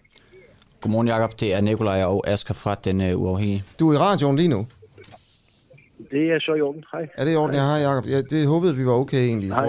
Uh, Jacob Illeborg, international korrespondent for BT. Uh, hvordan ja. følger du med her til morgen i uh, situationen i Ukraine? Det, det er svært ikke at følge med. Jeg, jeg blev vækket uh, ved femtiden i morges af noget, jeg troede var tordenvejr. Uh, men det var det ikke. Uh, det var, var missiler, der var ind over uh, formodentlig militære installationer øh, omkring Kiev. Øh, og siden da gik der, der var en halvanden time, hvor der var konstante drøn fra, fra ting, der ramte. Ikke? Øh, øh, det, forlyder, at man har ramt øh, flere lufthavne. Øh, det forlyder også, at der er tab hernede. Men, men ellers lige nu er jeg faktisk i en, i en bil øh, øh, for at se, om det er muligt, både, både for at finde ud af, hvordan det er på vejene, men også se, om det er overhovedet muligt at komme til det VIF, der ligger ude vestpå. Fordi frygten lige nu, det er, at, at der kører tanks ind øh, fra, øh, fra Belarus, altså op fra mm. Hviderusland, og at man ligesom kunne blive omringet og så ikke kan komme ud. Og, og hvis de så, du ved, dropper internettet og telefonen og sådan noget, så kunne det måske blive svært at rapportere. Så nu giver jeg det et shot og ser, om jeg kan komme til det. Så du flygter simpelthen fra Kiev lige nu? Nej, det vil jeg ikke sige. Jeg vil sige, at jeg, jeg prøver at, at, at køre et sted hen, hvor jeg er sikker på, at jeg kan dække. Øh, mm. Men der er mange, der flygter fra Kiev. Altså, det, den, jeg sidder på en motorvej nu, der er fuldstændig øh, stoppet af mennesker øh, eller biler. Mm. Øh, så så øh, øh, det, bliver, det er også en, det bliver en as-you-go-beslutning, tror jeg, mm. for mig, om det kan betale sig det her, eller om jeg bare skal sige, jamen så er jeg sgu i Kiev, og så tager vi det derfra. Ja. Står, står trafikken stille, eller, eller rykker den sig? Fuldstændig. Fuldstændig. Så det er sådan noget med, at folk kører i den modsatte bane, og, og det er alt sådan noget her i sig selv. Jeg har været sådan nogle steder her før. Det er i sig selv nogle gange næsten mere farligt end alt muligt andet. Mm. Øh, så, så, så det er, jeg skal træffe et kalkuleret valg her inden for mm. relativt kort tid, om jeg fortsætter og tør at køre den her vej. Mm. Men øh, lige nu er det i hvert fald sådan, og jeg kan sige, at altså, Kiev er mærkeligt stille og hektisk på samme tid. Der er stille den ene vej på gaderne og, og, og fuld af folk med kufferter og rygsække og poser den anden vej som prøver at komme ud. Ikke? Folk, er, folk er bange. Jeg tror, man har, jeg har talt med mange i løbet af de sidste uger. Mange har talt om, at det her kunne ske, men ingen havde regnet med, at det ville ske. Nej. Men det gjorde det altså. Kan du, kan du give et eksempel på, hvad du har set i dag? Ja, altså jeg, jeg, kort efter jeg øh, fandt ud af i morges, at det var, øh, ja, nu er det nu, øh, der, der begyndte at køre biler med ukrainske flag igennem gaden, hvor jeg bor, som råbte noget på ukrainsk, som jeg ikke kan, kan forstå, hvad er, men det er vel sådan noget med, at krigen er her, eller nu, nu, skal, nu står vi sammen, eller et eller andet. Øh, og, og jeg har, øh, var ude sent i går aftes i en våbenbutik, øh, fordi man ved, der er mindst en million øh, håndvåben i omløb herovre. Og rigtig mange, jeg har talt med, siger, at de har tænkt sig at kæmpe i gaderne, hvis det er nødvendigt. Ikke? Så det, er, det her, det kan blive, altså, det kan blive meget, meget grimt, lad os sige det som det er. Mm. Øh, altså, hvor grimt? Hvad, hvad du forestiller dig? Jamen, altså, det kommer jo også an på, hvad russerne vil. Hvis russerne vil, øh, vil, vil helt ind øh, øh, og ind og tage Kiev, jamen, så bliver det gadekamp. Øh, og og, og det, det vil være en humanitær katastrofe. Altså lige nu ved vi det ikke. Det, øh, det, det ser ud som om, eller jeg synes, at de sidste halve time har der ikke været så mange drøb, så jeg tror måske, at de holder lige en pause i at, at kaste missiler ind over, over byen. Men altså, øh, vi ved jo, at de også har angrebet Kharkiv, den næststørste by, Odessa, en anden stor by.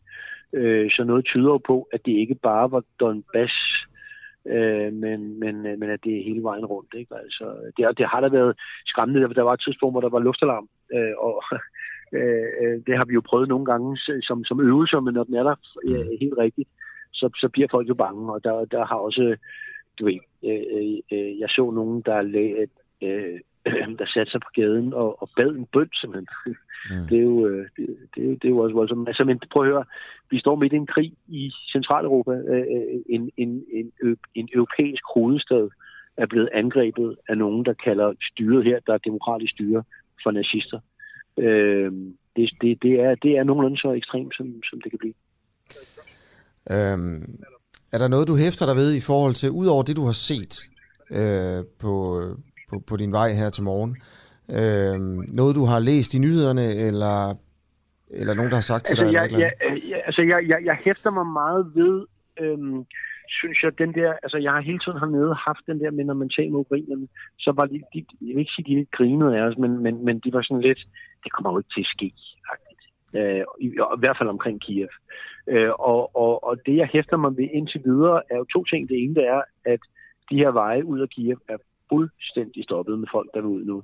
Øh, og det andet, og det synes jeg er positivt, det er, at jeg har ikke set panik endnu. Jeg har ikke set nogen, der begynder at slås eller, eller råber af hinanden eller sådan noget. Så det, så det er øh, relativt disciplineret. Så, så min, altså min vurdering af, hvordan det er hernede nu, det er, at folk er hunderad, men at de heldigvis ikke er gået i panik. Okay. Okay. Ja, men, men det er jo selvfølgelig godt. Øh, og øh, og den, den store situation, altså har du noget overblik over sådan militær, den militære situation eller den politiske situation? Ja, altså, øh, altså Zelensky, øh, øh, landets leder her, har, har bedt alle om ikke at gå i panik og sagt, at vi, vi klarer det, og vi har vidst, det her kunne komme, øh, og vi er klar. Er de det? Øh, det synes jeg er et godt spørgsmål. Det, det er den russiske her, vi står overfor. Øh, de siger selv, at de er meget, meget bedre udrustet og meget bedre trænet, end de var øh, i 2014. Jeg er ikke i tvivl om deres mod overhovedet. Jeg tror, de er modige, og jeg tror, de vil gøre, hvad, hvad det kræver på mange måder. Men, men jeg kunne godt øh, være bange for, at hvis russerne virkelig mener det her, at så kan det være stort set umuligt at, at, at, øh, at stå imod projekt. Altså, men, øh, men, men, men vi må se, altså det er, det er et stort land med en stor her det her også, og de har øjensynligt tænkt sig at kæmpe. Øh, hvad er det, russerne vil? Altså vil de, vil, de, vil, de, vil de ikke bare invadere landet, men vil de indsætte et styre, lave et, et, et sådan russisk vasalstat herover? Vi ved det ikke, men, men, øh, men det bliver vi nok klogere på de næste, de næste timer og dage, og man kan sige, frygten øh, herover eller det jeg frygter mest, det er, det er gadekamp. Altså det, det er, øh, fordi det, der skyder alle på alle, og det, det tror jeg ikke være sjovt. Ja, hvorfor er det, du frygter lige præcis gadekampe? øh, for, fordi jeg ved, at, at, at ukrainerne er bevæbnet, og de har tænkt sig at kæmpe. Så det vil sige, at selv hvis russerne rykker ind i Kiev, øh, hvad kan ske inden for timer i virkeligheden, øh, så har, har ukrainerne ikke tænkt, tænkt sig at lægge sig ned, så de vil, de vil køre så en, øh, en, en, hedder det, en, øh, en partisankamp, altså mm. som de som en sagde til mig, kæmpe fra gade til gade, fra vindue til vindue. Jakob Ilborg, du har jo også øh, en indgående kendskab til, øh, til Storbritannien, og dermed også øh, en del af de allierede. Hvordan, hvordan vil Storbritannien reagere på det her? Også ja, først, og fremmest, så, først og fremmest så regner vi med meget skarpe sanktioner fra, fra britternes side, og også fra andre, altså endnu flere end det, vi har set før. Men, men øh, øh, det, spørgsmålet er, om det er nok. Ikke? Altså, jeg tror, for at være ærlig, så tror jeg også, at mange øh, øh, øh regeringsledere rundt om i verden er, er, er, er overrasket. Altså, jeg tror sgu ikke, man havde regnet med, at russerne ville gøre det, når det kom til stykket. De ville måske gå lidt ind i Donbass, lave noget ballade og prøve at komme ud igen. Men, mm. men simpelthen fuldskale forsøg på en invasion af Ukraine det er mm. uhørt, og det er selvfølgelig utrolig farligt for, for verdensfreden. Og, for, øh, og, og, og I tror jeg går over i historien som, som et skilsættende øjeblik i Europas historie. Øh, nu må vi se, hvor det, hvor det vil. Mm. Jakob Ilborg, øh, international korrespondent for, for BT. Øh, er trafik, tak fordi du vil være med. Helt fantastisk, du, ja, du, du stiller op så tit. Det skal du have tusind tak for. Er, er trafikken begyndt at køre nu? Nej, det er helt, det er helt sort. Så øh, jeg giver det 5-10 minutter væk og mere, og ellers så må jeg på en måde komme den anden vej, for jeg skal fortælle, at man kan godt komme ind i Kiev lige nu. Aha, det, det kan man godt. Ja. Okay, øh, det er godt. Ha' det godt, ikke? Ja, i måde. Hej. Ja. Man kan komme ind i Kiev. Det håber jeg ikke, Putin han lyttede med til, det her. Øh, at der er, der er fri og åben vej. Altså. Øhm, all right, øh, vi snakker lige om lidt med... Øh, øh, med en russer i, øh, i, eller en dansker i Rusland, øh, som, som fortæller lidt om, øh, om situationen set derfra. Han er faktisk med, øh, han er faktisk med nu. Sten øh, Sørensen, godmorgen. Godmorgen. Godmorgen, Sten. Du er øh, lige nu ja, i... Du er lige nu i, øh, befinder dig lige nu i øh, Moskva. Hvordan er stemningen i Moskva lige nu? Jamen, øh, stemningen den er jo øh, øh, lidt kaotisk, kan man sige, fordi der altså, jeg tror, jeg kan sige, at, øh, at, at alle de mennesker, jeg har talt med, selvfølgelig er overrasket og forfærdet over det, der er sket, og, og øh, man tænker selvfølgelig også over, jamen, øh, hvad, hvad kommer der til at ske mere? Og og det, det er lidt svært at kommentere på på nuværende tidspunkt, fordi at øh, herover såvel som, som i Danmark og andre steder, der er det jo sådan relativt meget begrænset, hvad man får af oplysninger, i hvert fald oplysninger, man kan stole på. Øhm, hvad, hvad, hvad bliver der, hvordan bliver det rapporteret det her i uh, russiske medier, og hvordan bliver det skåret fra den russiske regering? Jamen altså, det øh, bliver jo skåret således, at, øh, at man, øh, øh man ønsker at skabe sikkerhed for de her to øh, udbryderrepublikker, som Putin han anerkendte den anden dag. Og, øh, og så taler man noget om noget øh, afnazificering af, af, af Ukraine. Øh, og det er jo sådan umiddelbart lidt, lidt svært at svare på, hvad, hvad man så øh, mener på det. Øhm, øh, jeg har lige læst, at øh, man fra det russiske militærs side siger, at nu har man øh, øh, neutraliseret det, det ukrainske luftforsvar. Øh, og så, så mener man så nu, at kan man så flyve rundt i, i Ukraine, uden at man bliver forstyrret alt for meget af, af, af hvad der end er af, fly og, og raketsystemer i Ukraine. Altså, men ellers så er det jo ren spekulation. Ikke? Der er nogen, der siger, at der, jamen, der, så er der kampvogne i, i, i det ene område, og der er soldater i det andet område og sådan noget. Men fem minutter efter, så skriver man det modsatte. Ikke? Og, det, jamen, altså, i forbindelse med enhver øh, konflikt, øh, der skal man passe meget på med at drage for mange konklusioner, fordi at øh, der, øh, altså, krigens tog, tog den, øh, den har jo bredt sig, og det er svært at finde ud af, hvad der overhovedet foregår. Ja. Nu, nu sidder du jo i øh, Moskva. Øh, har du øh, en eller anden idé om, at, at, at vi også misser et eller andet form for russisk perspektiv, øh, når vi dækker det her øh, her til morgen for eksempel? Det ved jeg ikke. Altså, øh, min, øh, min opfattelse, det var øh, her indtil øh, den anden dag, da, da Putin han talte til nationen om aftenen, at, øh, at krig det var utænkeligt. Øh, men så lige pludselig så, så underskriver vi så det her øh, dekret, og, og lige pludselig så anerkender man de her to udbryderrepublikker. Og, og her til morgen, der, der starter man så nogle kamphandlinger. Jamen, øh, jeg, jeg tror, dybest set, så tror jeg, at man fra russisk, øh, øh, den russiske ledelses side stadigvæk mener, at øh, man fra, fra Vesten ikke har lyttet.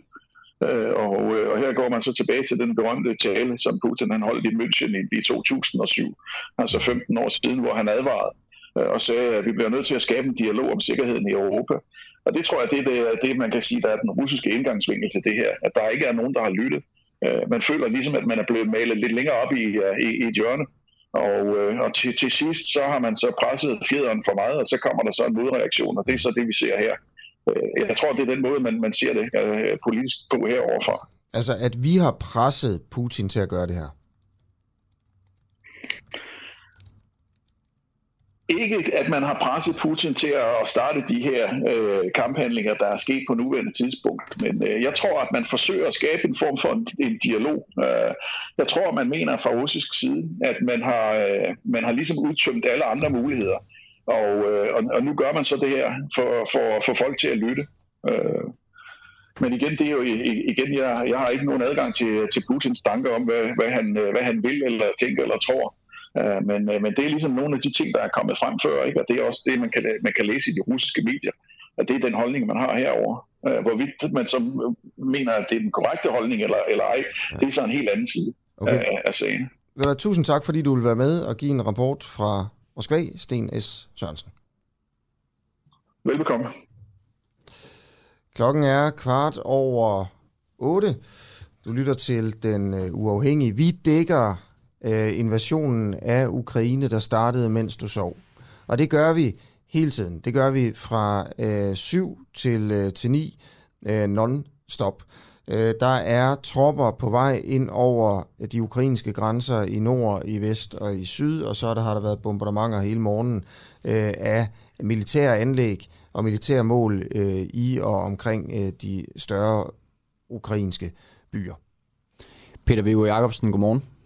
Godmorgen. Du er lektor ved Forsvarsakademiet. Øhm, hvad hæfter du særligt ved her til, her til morgen? Men jeg hæfter mig ved, at det ligner et, et meget stort stilet angreb, og hvis man skal tro de seneste meldinger, som du blandt andet kan se på BBC World, så ser det ud som om, at der er en landoffensiv i gang, der kommer fra tre forskellige sider. Øh, både fra Hvide Rusland på syd, og så også fra de der østlige provinser, der blev øh, anerkendt ned. Så det virker som om, at han har tænkt sig at gå efter hele butikken og få kontrol over hovedstaden. Hvad ved du om den landoffensiv? Jeg ved ingenting. Ikke andet end, at det ser ud som om, at, at hvis vi skal tro de meldinger, at så er det jo så, er det, så, er det, så, er det så stort, som man kunne frygte, det ville være. Øh, og at det derfor ser ud som om, at han går efter at få fuld kontrol med landet. Hvad er det for nogle meldinger? Ja, det er, det er det seneste, der ligger på BBC World, og vi kan jo så også se, vi kan jo dels se, at der er nogle forskellige meldinger om, at, at der, der er bevægelse ind over grænsen med øh, landsoldater ikke, og kampvogne og den slags ting. Og så kan vi se de der meldinger, der kommer på, at der er missilangreb på, på militære installationer af forskellige karakterer. Øh, sandsynligvis øh, kontrol, øh, kommando- og kontrolfaciliteter, de skal bruge til at koordinere deres forsvarskamp. Og så kan vi se, at der også har været angreb på, på lufthavne og, og den slags ting. Mm. Og når man ser alle de ting, og, og som dig er ekspert i sådan noget her, hvad tænker man så, det er, der er i gang? Jamen, så tænker man som sagt, at det er en, storstilet operation, der ikke bare har til formål at tage en lille smule mere land for at øh, kontrollere de her to øh, udbryderrepublikker, som, som russerne anerkendte som selvstændige stater forleden. Fordi det var jo et, det var jo et muligt scenarie, at man bare ville øh, i gåsøjne tage de to områder. Nu ser det ud som om, at man går efter det hele, og det understøttes af den tale, som Putin holdt i nat forud for invasionen, hvor han sagde, at øh, ukrainerne skulle have mulighed for at frit at vælge øh, regering, altså forstået på øh, eller underforstået, at russerne gerne vil indsætte en regering, der gør, som de siger. Mm. Og, og ja, hvad er det? Altså, lad os lige prøve at tage den første af den militære operation. Øh, hvornår kommer, han, kommer Putin til at have kontrol med Ukraine? Ja, det må guderne vide. Det kommer an på, hvor, hvor effektiv den militære modstand er. Det tør jeg ikke spå om. Det tør jeg ikke sætte tid på. Men jeg forventer, at russerne er i stand til at nedkæmpe det ukrainske forsvar, øh, og, og, og hvad det hedder. Men, men hvor lang tid det tager, om det, tager, det kan gøres i løbet af dage, eller det tager uger, det har jeg, det har jeg ikke øh, den fornødne indsigt til at kunne spå fornuftigt om. Men det, det er ikke et spørgsmål om det kommer til at ske, det er mere hvornår? Nej, det, det, er, det, er et spørgsmål, det er ikke et spørgsmål om hvis. Jeg vil sige, det, det må være et spørgsmål om når. Og det er det, langt de fleste analytikere, altså militære analytikere, hele tiden har peget på, at hvis han gik all in, så ville han vinde. Hvad vil han? Jamen, det ser ud som om, at han vil have et lydregime i Kiev, der gør, som han siger, altså i Hviderusland i, i, i Ukraine, således at det ikke kommer under vestlig og NATO-kontrol, således at han får land imellem os og NATO. Men øh, hvis der nu er... Undskyld, imellem, imellem Rusland og NATO. Ja, men, men øh, ukrainerne, altså hvis vi nu siger, at Putin rykker ind nu og afsætter regeringen og sætter en eller anden øh, ny mand ja. på tronen, øh, så når der kommer valg næste gang, så stemmer ukrainerne jo alligevel på, på dem, de gerne vil, og, og det kan jo være men nogen, det, der holder med ja, Vesten. men, men det, nu, nu antager, du, antager du jo meget heroisk, at du får et demokrati, hvor du også kan få lov at bestemme, hvem du kan stemme på. Hvis der kommer noget, vi vil, der minder om demokrati, så vil det være et som det er i Hongkong, eller som det er i Hvide Rusland, hvor du kun kan stemme på et parti, og hvor det i øvrigt er diktatoren, der, der, der tæller stemmerne, lidt ligesom i Rusland. Der er jo ikke et regulært demokrati tilbage i Rusland. Der er der jo også kun den opposition, som Putin styrer, og som gør, som Putin siger. Så, så det, jeg forventer i stedet for, desværre, det er, at vi kommer til at se oprørskamp, guerillakrig og så videre, som vi kender det fra Irak og Afghanistan. Og Afghanistan tænker jeg, både Sovjetunionen var der, da USA og NATO var der indtil for nylig. Og, og Putin rykker altså ind for at afskaffe demokratiet? Han, i, i, i, hvert fald, I hvert fald et demokrati, der vælger de forkerte. Men, øh, at, ja, men, men du sagde jo lige før, at han ville afskaffe demokratiet. Gjorde du ikke det? Jo, jo, men det er jo det samme. Altså, altså det, det er jo det samme. Altså, han, det, det kan jo godt være, at han, vi kommer til at få det samme form for demokrati, som vi har i, i Hvide Rusland og i Rusland. Men det bliver jo ikke et, et demokrati, hvor der er frit valg på hylderne, og hvor folk får lov at stemme forkert. Og så siger du, at Ukraine kan ende som øh, Afghanistan eller Irak. Altså i forhold til guerillakrig. Ja. Vil du prøve at uddybe det? Jamen ja, det er min, det, det, det er jo det klare indtryk, at det, at det kan godt være, at, at, at ukrainerne i øst kan tolerere øh, russisk øh, regime. Der er jo ikke nogen af dem, der som sådan har lyst til at være russere, fordi de kan godt se, at russerne har ikke noget at tilbyde. Men, men i den situation, som for eksempel er i de besatte områder, der kan man jo ikke gøre andet end at rette ind.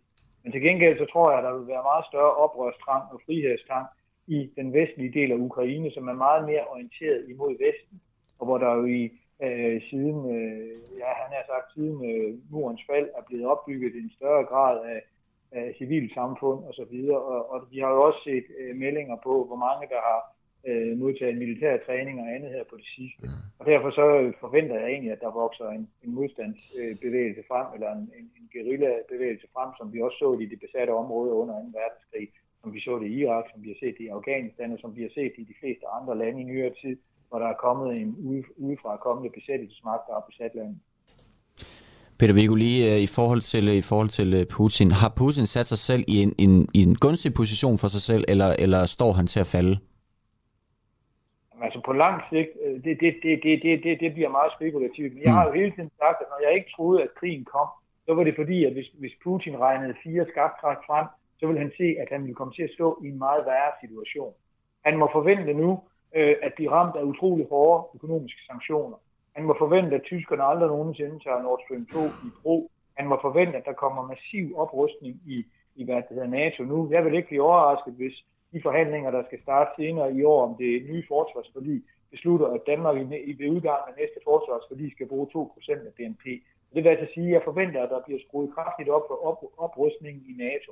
Altså bliver den generelle magtbalance imellem NATO og Rusland meget ringere. Altså NATO kommer til at blive meget, meget stærkere end, end hvad det hedder. Putin, Sverige og Finland kommer til at rykke endnu tættere på alliancen. Og så ender han altså i en situation, der er meget værre end hans udgangssituation. Og hvis de her økonomiske sanktioner nu kommer til at vare i rigtig lang tid, så vil det også begynde at underminere det økonomiske fundament, som, som Rusland bygger på. Så på den måde kan jeg godt forstå dem, der siger, at det her kan være vejen til enden for Putin. Men jeg tror altså desværre, at det er noget, der kommer til at tage, til at tage meget lang tid. Altså erfaringsmæssigt, så tager øh, sanktioner for alvor for at skulle virke. De tager jo op mod 10 år. Altså, det tager lang tid for sådan noget at virke. Så øh, der er ikke noget, der tyder på, at Putin står over for at miste magten lige ved det samme. Men jeg tror, når man kigger tilbage på histori- historiebøgerne og kigger på, hvordan det her var, ja, så var det en situation, hvor det begyndte at gå meget hurtigere og baglæns for, for, for Rusland herfra. Peter Vittegård Jacobsen, tusind tak, fordi du vil øh, være med til en analyse her til morgen. Ja, selv tak. Ja. Og altså ekspert øh, øh, fra, jeg mener det er Forsvarsakademiet. Ja, det er, er det Forsvarsakademiet. Øh, vores øh, udenrigsminister Jeppe Kofod har netop holdt øh, pressebriefing, hvor han øh, siger, at det er en mørk dag i Europas øh, historie. Det er meget trist, at min tanker går til den ukrainske befolkning. Det er klart, at vi har givet Putin alle muligheder for fredelig udvej af konflikten. Det har han ikke valgt. Tværtimod er de øh, militære aktioner i gang, og vi, øh, det vil blive mødt med hårde sanktioner. Vi vil koordinere modsvar senere i dag, der er møde i EU senere i dag, ligesom vi har god kontakt til kanalerne og britterne. Mm. Og han siger altså, at det er fuldstændig vanvittigt, hvad de har gang i fra Ruslands side, og det vil blive mødt med et hårdt modsvar. Der er altså angreb inde i Ukraine fra øh, missiler øh, ved alle de store byer og militæranlæg. Øh, der bliver meldt om tropper, der er på vej ind over grænserne fra vest, fra nord og fra syd. Øh, for eksempel øh, melder flere medier her, at Ukraines grænseservice øh, siger, at Rusland også angriber fra øh, Hvide Rusland. I nord, en grænsepost mod nord, blev altså angrebet omkring klokken 5 lokal tid med artilleri, kampvogne og mindre våben. Og også med støtte fra Hvide Rusland lyder det. Og det er jo stadigvæk usikkert, øh, om der er hvide russiske tropper, der også øh, invaderer Ukraine. Øh, noget tyder på det. Vi havde en ekspert i Hvide Rusland med, der sagde, at det var faktisk et åbent spørgsmål. Angrebene her ved grænsen sker, øh, øh, sker selvfølgelig ved Hvide Rusland, men altså også øh, og flere forskellige steder øh, ved Hvide Rusland, ikke kun ved én grænseovergang. Øh, og der skulle være dødsfald. Det er ikke blevet bekræftet fra anden side det her, men vi ved også, at CNN har nogle videoer, der, der viser kampvogne øh, rulle ind øh, i Ukraine fra Hvide Rusland. Øh, og det ukrainske udenrigsministerium siger, at Rusland vil ødelægge den ukrainske stat, og at det her det er en krigshandling. Øh, den ukrainske regering siger, at det er et angreb på Ukraines suverænitet og territoriale integritet, en grov krænkelse af FN's vedtægter, fundamentale normer og principperne i international lov.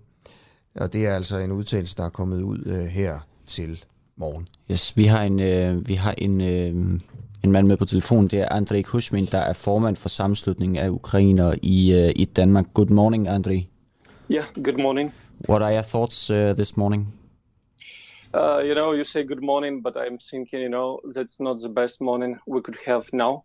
I'm starting getting call from five o'clock in the morning uh, from many places. Different Ukrainians call me and saying about the situation in Ukraine and also following everything what's uh, going on over there. So we are really upset, you know, and it's not even that word. It's much worse, you know.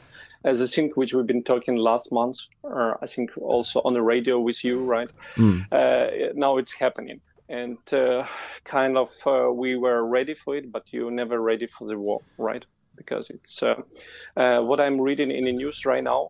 Russia, together with Belarus, as they start uh, bombing all airports. Uh, if you know the city of Ivano-Frankivsk, it's uh, on a very west part of Ukraine, close to Romania, you know, on this part of Ukraine. it's also under bomb attack. So basically, all big cities uh, where they have uh, uh, airdromes and like air flights, you know, military mili- mil- military forces of Ukraine or, or storage uh, for for the weapon is under attack, and it's it's crazy.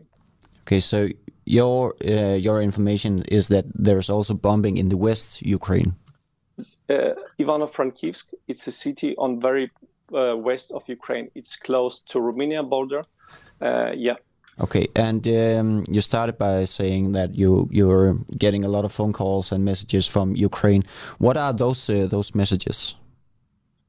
Uh, people are super worried. For example, uh, my friend, uh, yeah, she's she's uh, Ukrainian, married to to Danish guy. Mm. In she's calling me and saying she's she wants to take her grandson from Ukraine and asking me like, how can I take my grandson from Ukraine? Because you know, like she's super worried. And uh, other people calling me and saying like what should we do now? You know what, what what what shall we do? You know shall we send money to ukraine? Shall we co- uh, collect humanitarian aid for ukraine? Uh, how we should react? And then right now we have this you know team which are working on this to to find the solution. I know it's a lot of people who wants to work financially who wants to help financially uh, or with a warm closet. Of course today we cannot uh, understand the situation fully but we need to look into three weeks or one month ahead what will happen then. Mm. and now we can do some reaction from it. But first of all our organization uh, Bava Ukraine It's a humanitarian organization which uh, operates in Denmark already for uh, seven years, eight years from 2014. Uh, we have experience. We sent 54 trucks to Ukraine with humanitarian and medical aid, and we think this uh, organization will take uh, humanitarian part for helping Ukraine. So now we are thinking about warehouses, you know, all this stuff, how we can operate it. So your morning really contains a lot of uh, consulting from from people Yeah. in Denmark or people from Ukraine or where, where are those? Yeah, yeah, everyone, you know, like uh, we are in contact with Ukrainian embassy, we are in contact with people from Ukraine, we are in contact with journalists. I think I already get like 25, 30 calls in the morning. All right. What is the like the messages from the Ukrainian em- embassy in in Denmark? uh, our message with embassy was uh, very very short. Of course we all understand what's going on right? So we don't discuss the war itself. We discuss what what is the action right? How we can help ukraine. Uh, embassy told me uh, that they got also a lot of calls right now and then they will forward humanitarian part of the calls to our organization so we can handle it All right, Andrei uh, Kushmin, thank you uh, so much for uh, for participating in this. Uh, Thank you for your call and interest in Ukraine. We hope that you know, together standing with Ukraine, we can defend the country. Thank you. Thank you. Bye. Så lød det altså fra Andrei Kushmin, der er formand for sammenslutningen af ukrainer i Danmark. Han befinder sig lige nu i Danmark, og øh, som vi kunne høre på ham, så er det, en, øh, det er ikke, ikke en god morgen. Hans morgen består meget af at modtage, modtage opkald og øh, beskeder fra folk i Ukraine, men også folk i Danmark, der spørger, hvad, øh, hvad, skal, vi, hvad skal vi gøre ved den her, ved den her situation? Skal vi, sende, øh, skal vi sende hjælp? Og han kunne ligeledes berette om, at han har meldinger direkte fra det vestlige Ukraine, grænsen op mod, mod Rumænien, at der altså også er bombardementer i det vestlige Ukraine. Der er, øh, og det, det er jo også et åbent spørgsmål, han siger også her, altså vi, vi vil jo forsvare os selv og sådan noget, ikke? Hvor meget vil ukrainerne kæmpe? Og der har den ukrainske præsident Zelensky jo også været inde og sige her, jamen altså, man vil... Øh, man Сегодня vil я kæmpe. инициировал телефонный разговор с президентом Российской Федерации. Результат Og han – siger тишина. her, at han har Хотя тишина ringet должна til, быть til Putin на Донбассе. øh, og sagt til ham, at de ikke finde sig i det. Og, og nu vil han så sige noget til menneskerne i Rusland. Jeg siger det her til jer som en borger i Ukraine. Vi har 2.000 km fælles grænse. Og I har tropper langs grænsen. Næsten 200.000 soldater. Og Putin har sagt, at han vil tage lidt af det her land. Og det her, det kunne blive begyndelsen til en stor krig i Europa og på det europæiske kontinent. Og så, så fortsætter øh, Zelensky, den ukrainske præsident, altså med at snakke til, til det russiske folk og bede dem om at lade være med at angribe og starte en, en krig. Men han siger altså også i, det her, i den her tale, han holder til russerne, øh, at... Øh, at, at de er klar til at forsvare sig selv. Altså at, øh, at Ukraine simpelthen vil forsvare sig selv. Ja, stærk, øh, stærk melding. Ja. Så Meget- det hele det er, øh, det er oppe i luften her, øh, i forhold til, hvor stort angrebet egentlig er den her morgen, men også i forhold til, øh, øh, hvor meget Ukraine vil kæmpe imod. René Bigum har skrevet til os, Ukraines luftvåben skulle efter sine være ødelagt. Ukraine er nok faldet inden, øh, inden aftensmaden. Det er ikke noget, vi, øh, jeg, har, jeg har stødt op endnu, men øh, vi... Øh, Nej, Rasmus Tandholt, det er Asger Jul fra Den Uafhængige. Du er i radioen lige nu. Har du tid? Hej da. Yes, det har jeg. Er det rigtigt? Altså, du må bare sige til, hvis du ikke har tid. Jo. Det har jeg. Okay. Øh, udlandskorrespondent på, på TV2 selvfølgelig, de fleste kender dig. Tandholt, hvordan følger du med her til morgen? Jeg følger lige nu med ved at gå rundt i øh, byen i Kharkiv og følge folks øh, reaktioner. Se, hvordan de øh, reagerer på alt det her. Øh, mange føler nok, at det er lige så surrealistisk, som jeg gør. Og øh, jeg har endnu ikke talt med nogen i min tid, mens jeg har været her i Ukraine, der havde øh, i deres vildeste fantasi forestillet sig øh, det her øh, scenarie i forhold til de lokale øh, personer, som jeg har øh, talt med. Så folk øh, er nærmest, øh, ja, hvad kan man sige, øh, paralyseret. Øh, de, de, de, de ved ikke rigtig, hvordan de skal forholde sig til det her. øh, er det virkelig rigtigt, at der er russiske kampvogne 20 km her på byen på, på vej i vores retning.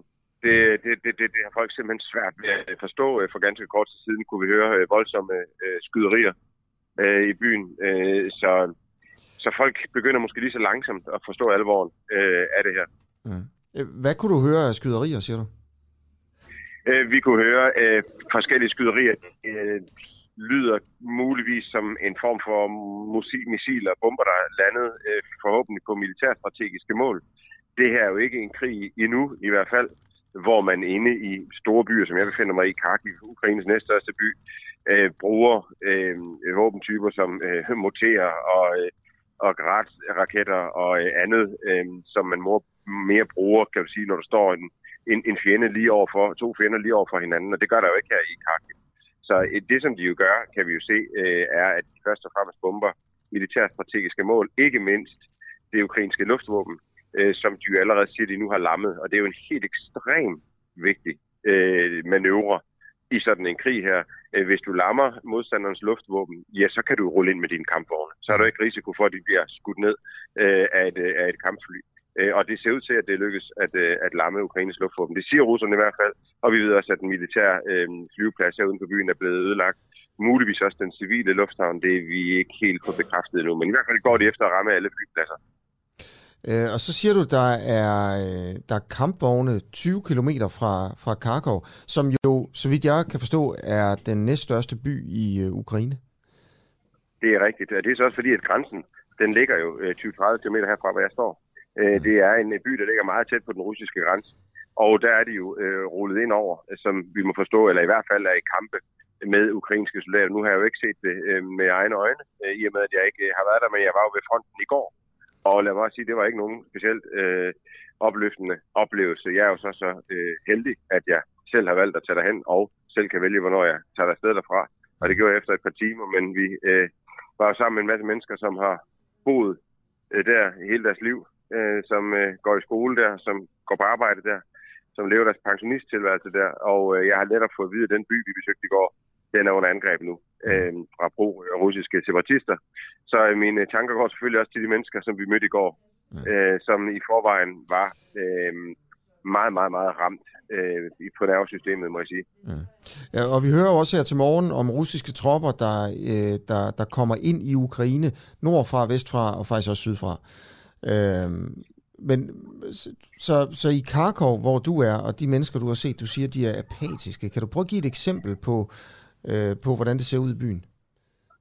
Jamen altså, udenfor, der er stadigvæk mennesker på gaden. Øh, jeg skal jo ikke kunne vurdere, hvor mange der er øh, på en normal hvert onsdag eller torsdag, eller hvad det er. Øh, og, øh, og, og, og derfor er det selvfølgelig svært for mig at sige, men jeg kan for eksempel sige, at øh, den fixer, vi arbejder med, altså den lokale øh, medarbejder, vi har her på øh, TV2, han øh, har valgt at blive hjemme arbejde i dag. Han sidder hos sin kone og sine tre børn. Skolerne er lukket, og det prioriterer han af meget, meget forståelige grunde, jo højere end at arbejde øh, lige nu. Øh, og det er jo øh, den situation, mange de er i. Altså nu øh, samles folk om deres familier. Øh, der er stadigvæk nogen, der går på arbejde, kan jeg se. Øh, men øh, det er jo en, en, øh, en situation, som øh, mange af dem, jeg har talt med, som jeg nævnte, ikke havde regnet med. Så derfor er der ikke nogen nødvendigvis plan for, hvad de gør. Altså det er jo ikke sådan nødvendigvis, at de har pakket deres kuffert og har en, en flugtplan. Og nu kan du heller ikke flyve ud herfra.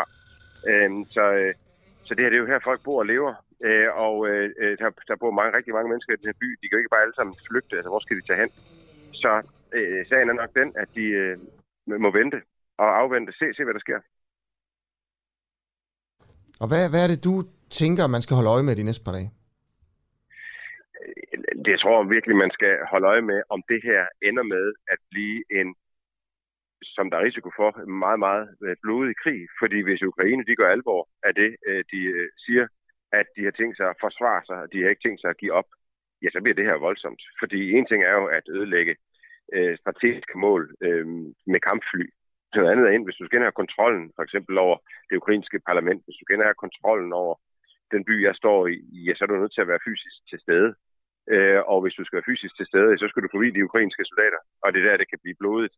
Der er også et andet scenarie, at ukrainerne siger, okay, hvorfor miste tusindvis af, af, af, af soldater? Øh, hvorfor gøre, at øh, der vil være en masse ulykkelige pårørende i Ukraine i mange år fremover, hvis vi alligevel ender med at tabe det her. Det siger de, de ikke gør, men altså Rusland er Rusland. Rusland er en militær supermagt i verden, og ja. ukrainerne har ikke en, en chance overhovedet over for dem. Det vil være et spørgsmål om tid. Ja. ja, der vil jeg også bare sige, at alle øh, eksperter, vi har talt med her til morgen, siger, at det er et spørgsmål om tid, før Ukraine taber. Øh, og vi har også snakket lidt om, om forsvarsviljen i Ukraine øh, i de her dage. Hvor stor er den egentlig? Og så har vi sådan siddet og sammenlignet en lille smule med Danmark i 1940, da Rusland, nej, da Tyskland rykkede ind, undskyld, det var lige en fortalelse, men da, da, da Hitler rykkede ind i, øh, i 40, hvor vi jo øh, rullede rundt jo, øh, og lagde os, lagde os på ryggen med det samme. Øh, for, og det var jo en, en kalkyle, vi kunne ikke vinde, så kunne man lige så godt lade være med at, at, at, at kæmpe og, og, og tabe menneskeliv, øh, hvis man alligevel ville tabe jo. Øh, hvor meget tror du her, altså hvor meget kampvilje er der i både det ukrainske folk, men så også i det ukrainske militær? Jeg tror, der er mere kampvilje. Øh, jeg har jo også været vidne til i store selvbestaltede hjemmeværnsstyrker, kan vi kalde dem, som øh, har ugenlige træninger øh, med øh, over 1000 med, øh, mennesker. Øh, vi skulle have været derude og besøgt dem på lørdag, men det blev aflyst, øh, fordi at det så ud til at trække op til krig, så derfor ville de gerne hemmeligholde deres, øh, deres træning.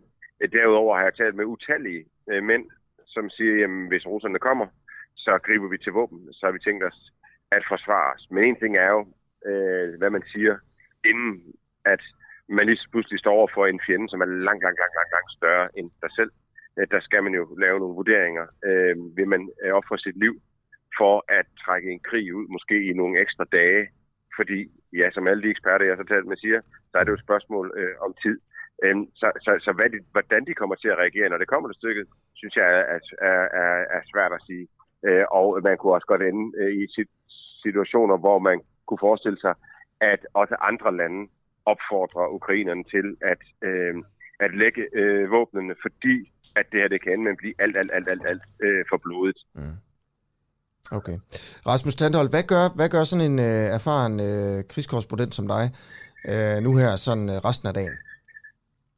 Jamen indtil videre så øh, laver vi jo øh, direkte øh, sendinger til øh, TV2 øh, News. Det gør vi sådan hver øh, time on top of the hour, som man siger øh, og, øh, og prøve at beskrive det, som jeg også fortæller dig, Asger, altså hvordan folk de, øh, tager det her, hvordan folk øh, reagerer.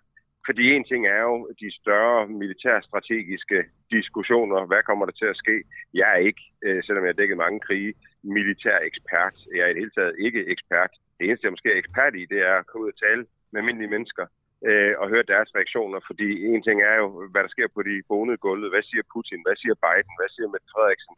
Men min opgave her er jo at spørge, hvad siger de ganske almindelige mennesker, som det, det handler om i bund og grund. Mm. Og det er jo det, jeg prøver efter, efter bedste evne at give deres øh, øh, stemme det videre øh, til jer. Så det er også det, der skal være mit mål. Jeg var ude ved fronten i går, øh, og lad mig sige, jeg er glad for, at jeg var ude ved fronten i går, øh, og ikke i dag. Øh, så nu, nu, øh, nu, øh, nu, nu bliver det mere her fra, fra Kharkiv, hvor vi taler med, med folk her i løbet af, af, af dagen. Og så ellers holder vi hovedet lavt, følger med udviklingen, indtil videre bliver vi, øh, bliver vi her, men følger selvfølgelig situationen løb. Okay, godt. Rasmus Tandhold, tusind tak, fordi du var med. Hvis man synes, at Tandhold er dygtig, så skal man jo bare tænde for TV2 News i dag, så kan man sige. Det kan man gøre. Øh, og, og pas godt på dig selv, ikke også? Tak skal I have. Tak skal I have. I er altid velkomne. Ja, tak. Klokken er blevet 8.41. Øhm, skal lige huske at nævne tiden. Øhm, situationen lige nu er altså, at i morges kl. 4 iværksatte Rusland et angreb på Ukraine. Øh, invasionen skete samtidig med, at øh, FN's Sikkerhedsråd sad samlet til et øh, krisemøde, hvor Ruslands FN-ambassadør kaldte angrebet for et øh, selvforsvar. Ja. Russiske missiler har ramt og ødelagt militære kommandocentre i flere ukrainske byer, og der er altså meldinger om lastbiler, tanks osv., der kører over grænseovergangen, både fra nord, øst og øh, syd-Ukraine, og vi havde jo selvfølgelig Andrei Kushman med øh, lige før, som, øh, som også kunne fortælle om angreb i, øh, i vest.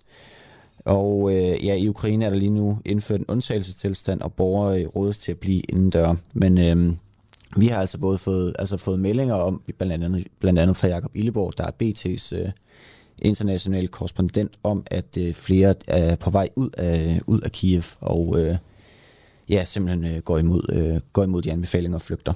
Vi ringer til forskellige folk her til morgen, øh, og nu ringer jeg til en, som jeg ikke rigtig ved, hvad mener. Men jeg ved, hvem hun er. Det er Irina Bjørnø, forfatter og russer og bestyrelsesmedlem i Dansk Russisk Velkommen Forening. til telefonsvaren. Det er jo satans. Hun har altså lige skrevet, at jeg måtte ringe. Vi prøver lige en gang Vi prøver lige igen. Ja.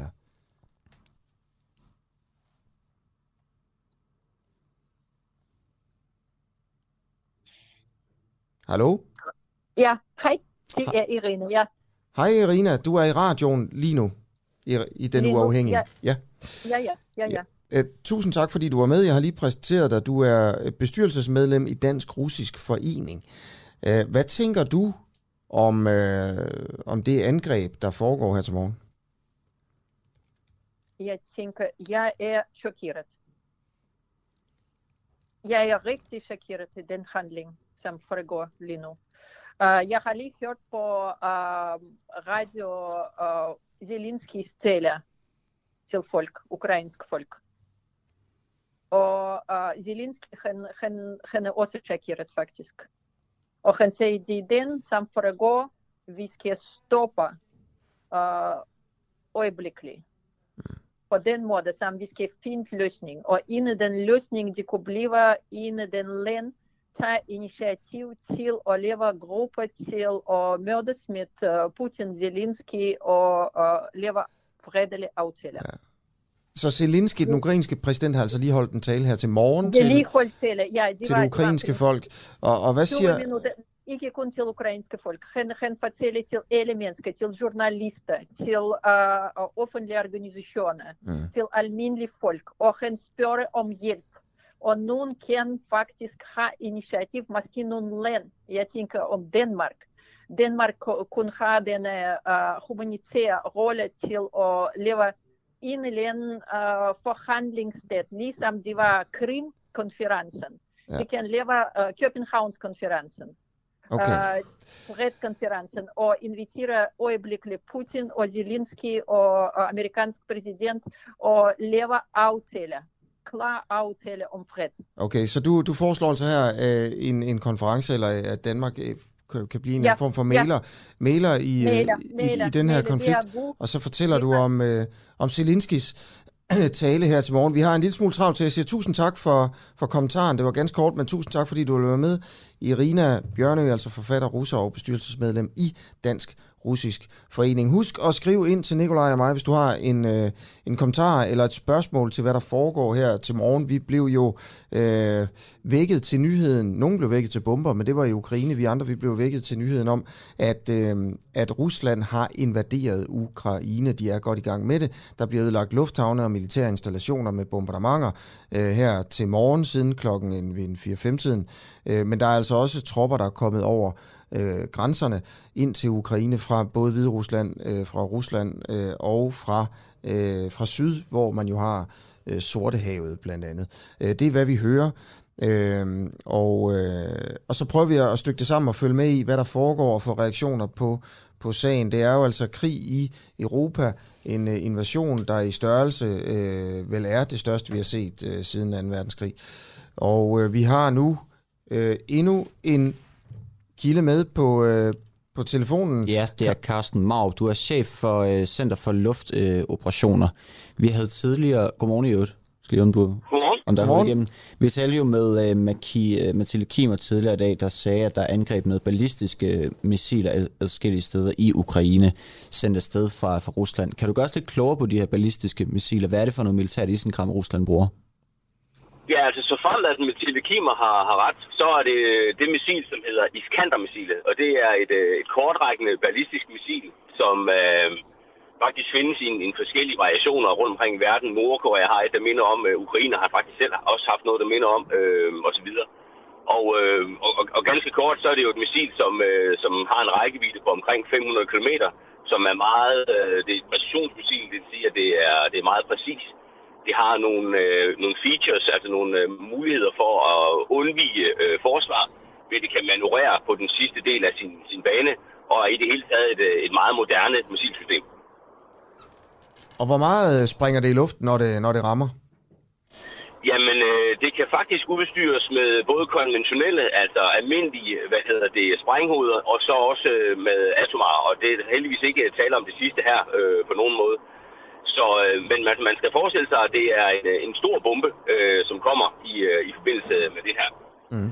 Jeg vil så dog sige også, at der har været en, en del forlydende fremme, kan jeg se, om at det måske ikke er iskandermissiler, men måske snarere er krydsermissiler, som er blevet brugt af den type, som hedder Calibra, som også er et system, som, øh, som russerne besidder, og som et langt stykke vejen tit har været deres øh, sådan foretrukne våben.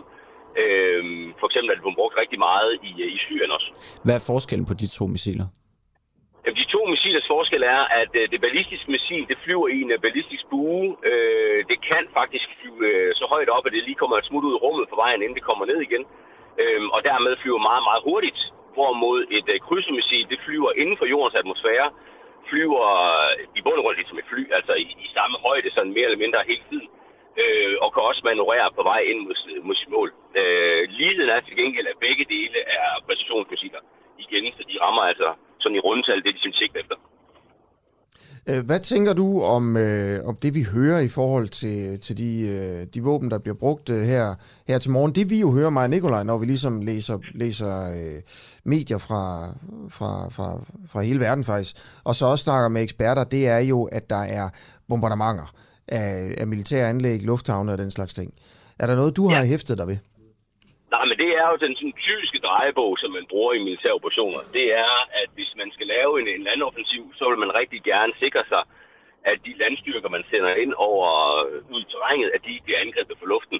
Og det vil sige, at noget af det første, man giver sig i kast med, det er at, øh, at slå modstanderens luftforsvar. Så det vil sige, at, øh, at det vil være ukrainske øh, luftbaser rundt omkring i Ukraine, øh, som vil blive ramt. Og, øh, og det vil man så netop bruge de her langrækkende missiler til så man slipper for at flyve det hen øh, selv og eventuelt blive skudt ned øh, undervejs. Så det er sådan en, en helt standard opskrift på, at det er sådan her, man gennemfører krig. Carsten Marup, chef for Center for Luftoperationer. Tusind tak. Velkommen. Og sådan det.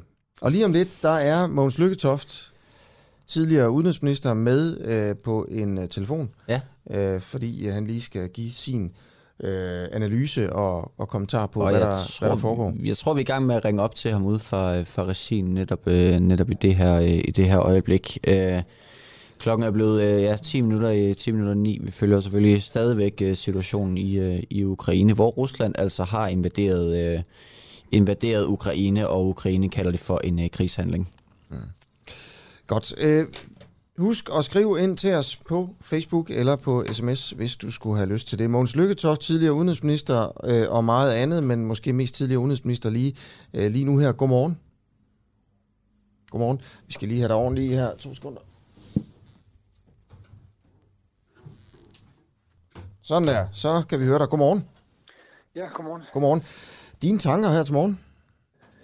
Uh, ja, det, det mest ulykkelige, der kunne tænkes, er jo, er jo i fuld flor med at udfordre sig nu. Uh, jeg tror, de allerfleste, uh, også Ruslands eksperter, havde forventet, som jeg, at uh, han ville bøje af til sidst Putin. Men uh, efter vi hørte hans tale i mandags, som var fuldstændig rapplende om Ukraines manglende ret til at eksistere, og sådan noget, så må man sige, at det her var forudset. Uh, nu ser det ud som om, det er den størst mulige militære operation, der går ud på at erobre hele Ukraine. Men det bliver meget, meget blodigt og meget, meget langstrakt, fordi det er jo ikke en befolkning, som frivilligt vil give sig ind under Putin. Nu siger du, at hans, hans tale var rapplende. Ja. Hvad mener du? Ja, altså det var jo en time lang øh, øh, historieforfalskningsforelæsning om, om, hvorfor Ukraine ikke havde nogen ret til at eksistere og ikke var nogen rigtig stat og, og sådan noget. Og, og, og, og, og, og det varslede jo for dem, der, der analyserede salen, at der simpelthen ikke rigtig var nogen grænser for vanvittigt øh, hos ham nu. Man har hidtil betragtet ham som skrupelløs, men dog forudsigelig og ikke indstillet på at tage så store risici, som han jo nu gør maksimalt. Øh, jeg mener, det bliver en voldsom reaktion, selvfølgelig fra Ukraine, som har mere, meget mere militær, end de havde i, for otte år siden, men, men også fra en ukrainsk befolkning, som under en besættelse fra Rusland vil fortsætte af en modstand. Og så for resten af verden, som reagerer meget, meget dramatisk. Nu vil vi se nogle sanktioner mod russisk økonomi, som er en styrke, vi aldrig har set før.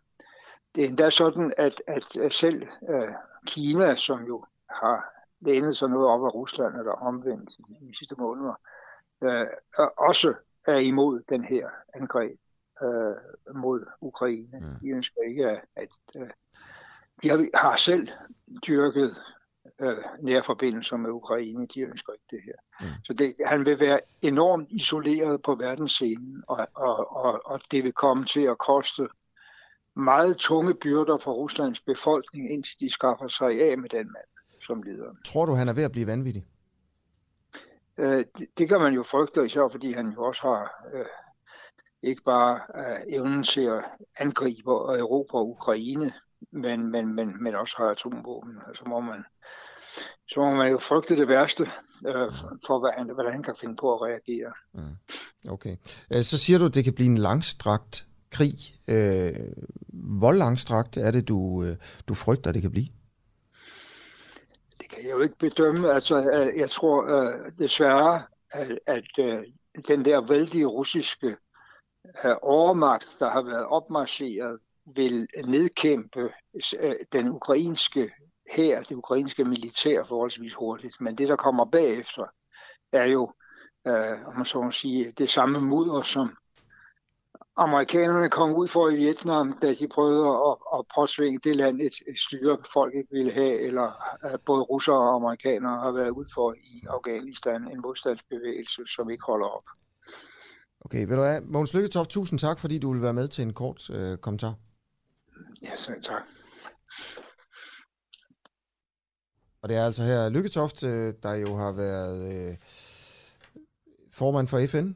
Ja. En af formanden i FN. Og, øhm, Tidligere dansk udenrigsminister. Formand for Socialdemokratiet, finansminister, alt muligt. Ikke? Jo. Så, øh, som, som kom med, med den her analyse. Også interessant af, hvordan han, og det er ikke den første, vi har haft med her til morgen, der har sagt, jeg blev overrasket. Ja. Jeg troede i sidste uge, at, at det ikke ville komme til det her. Og nu er det kommet til lige præcis det her. Altså en invasion af Ukraine, der ligesom er i omfang så stor, som måske overhovedet kan blive.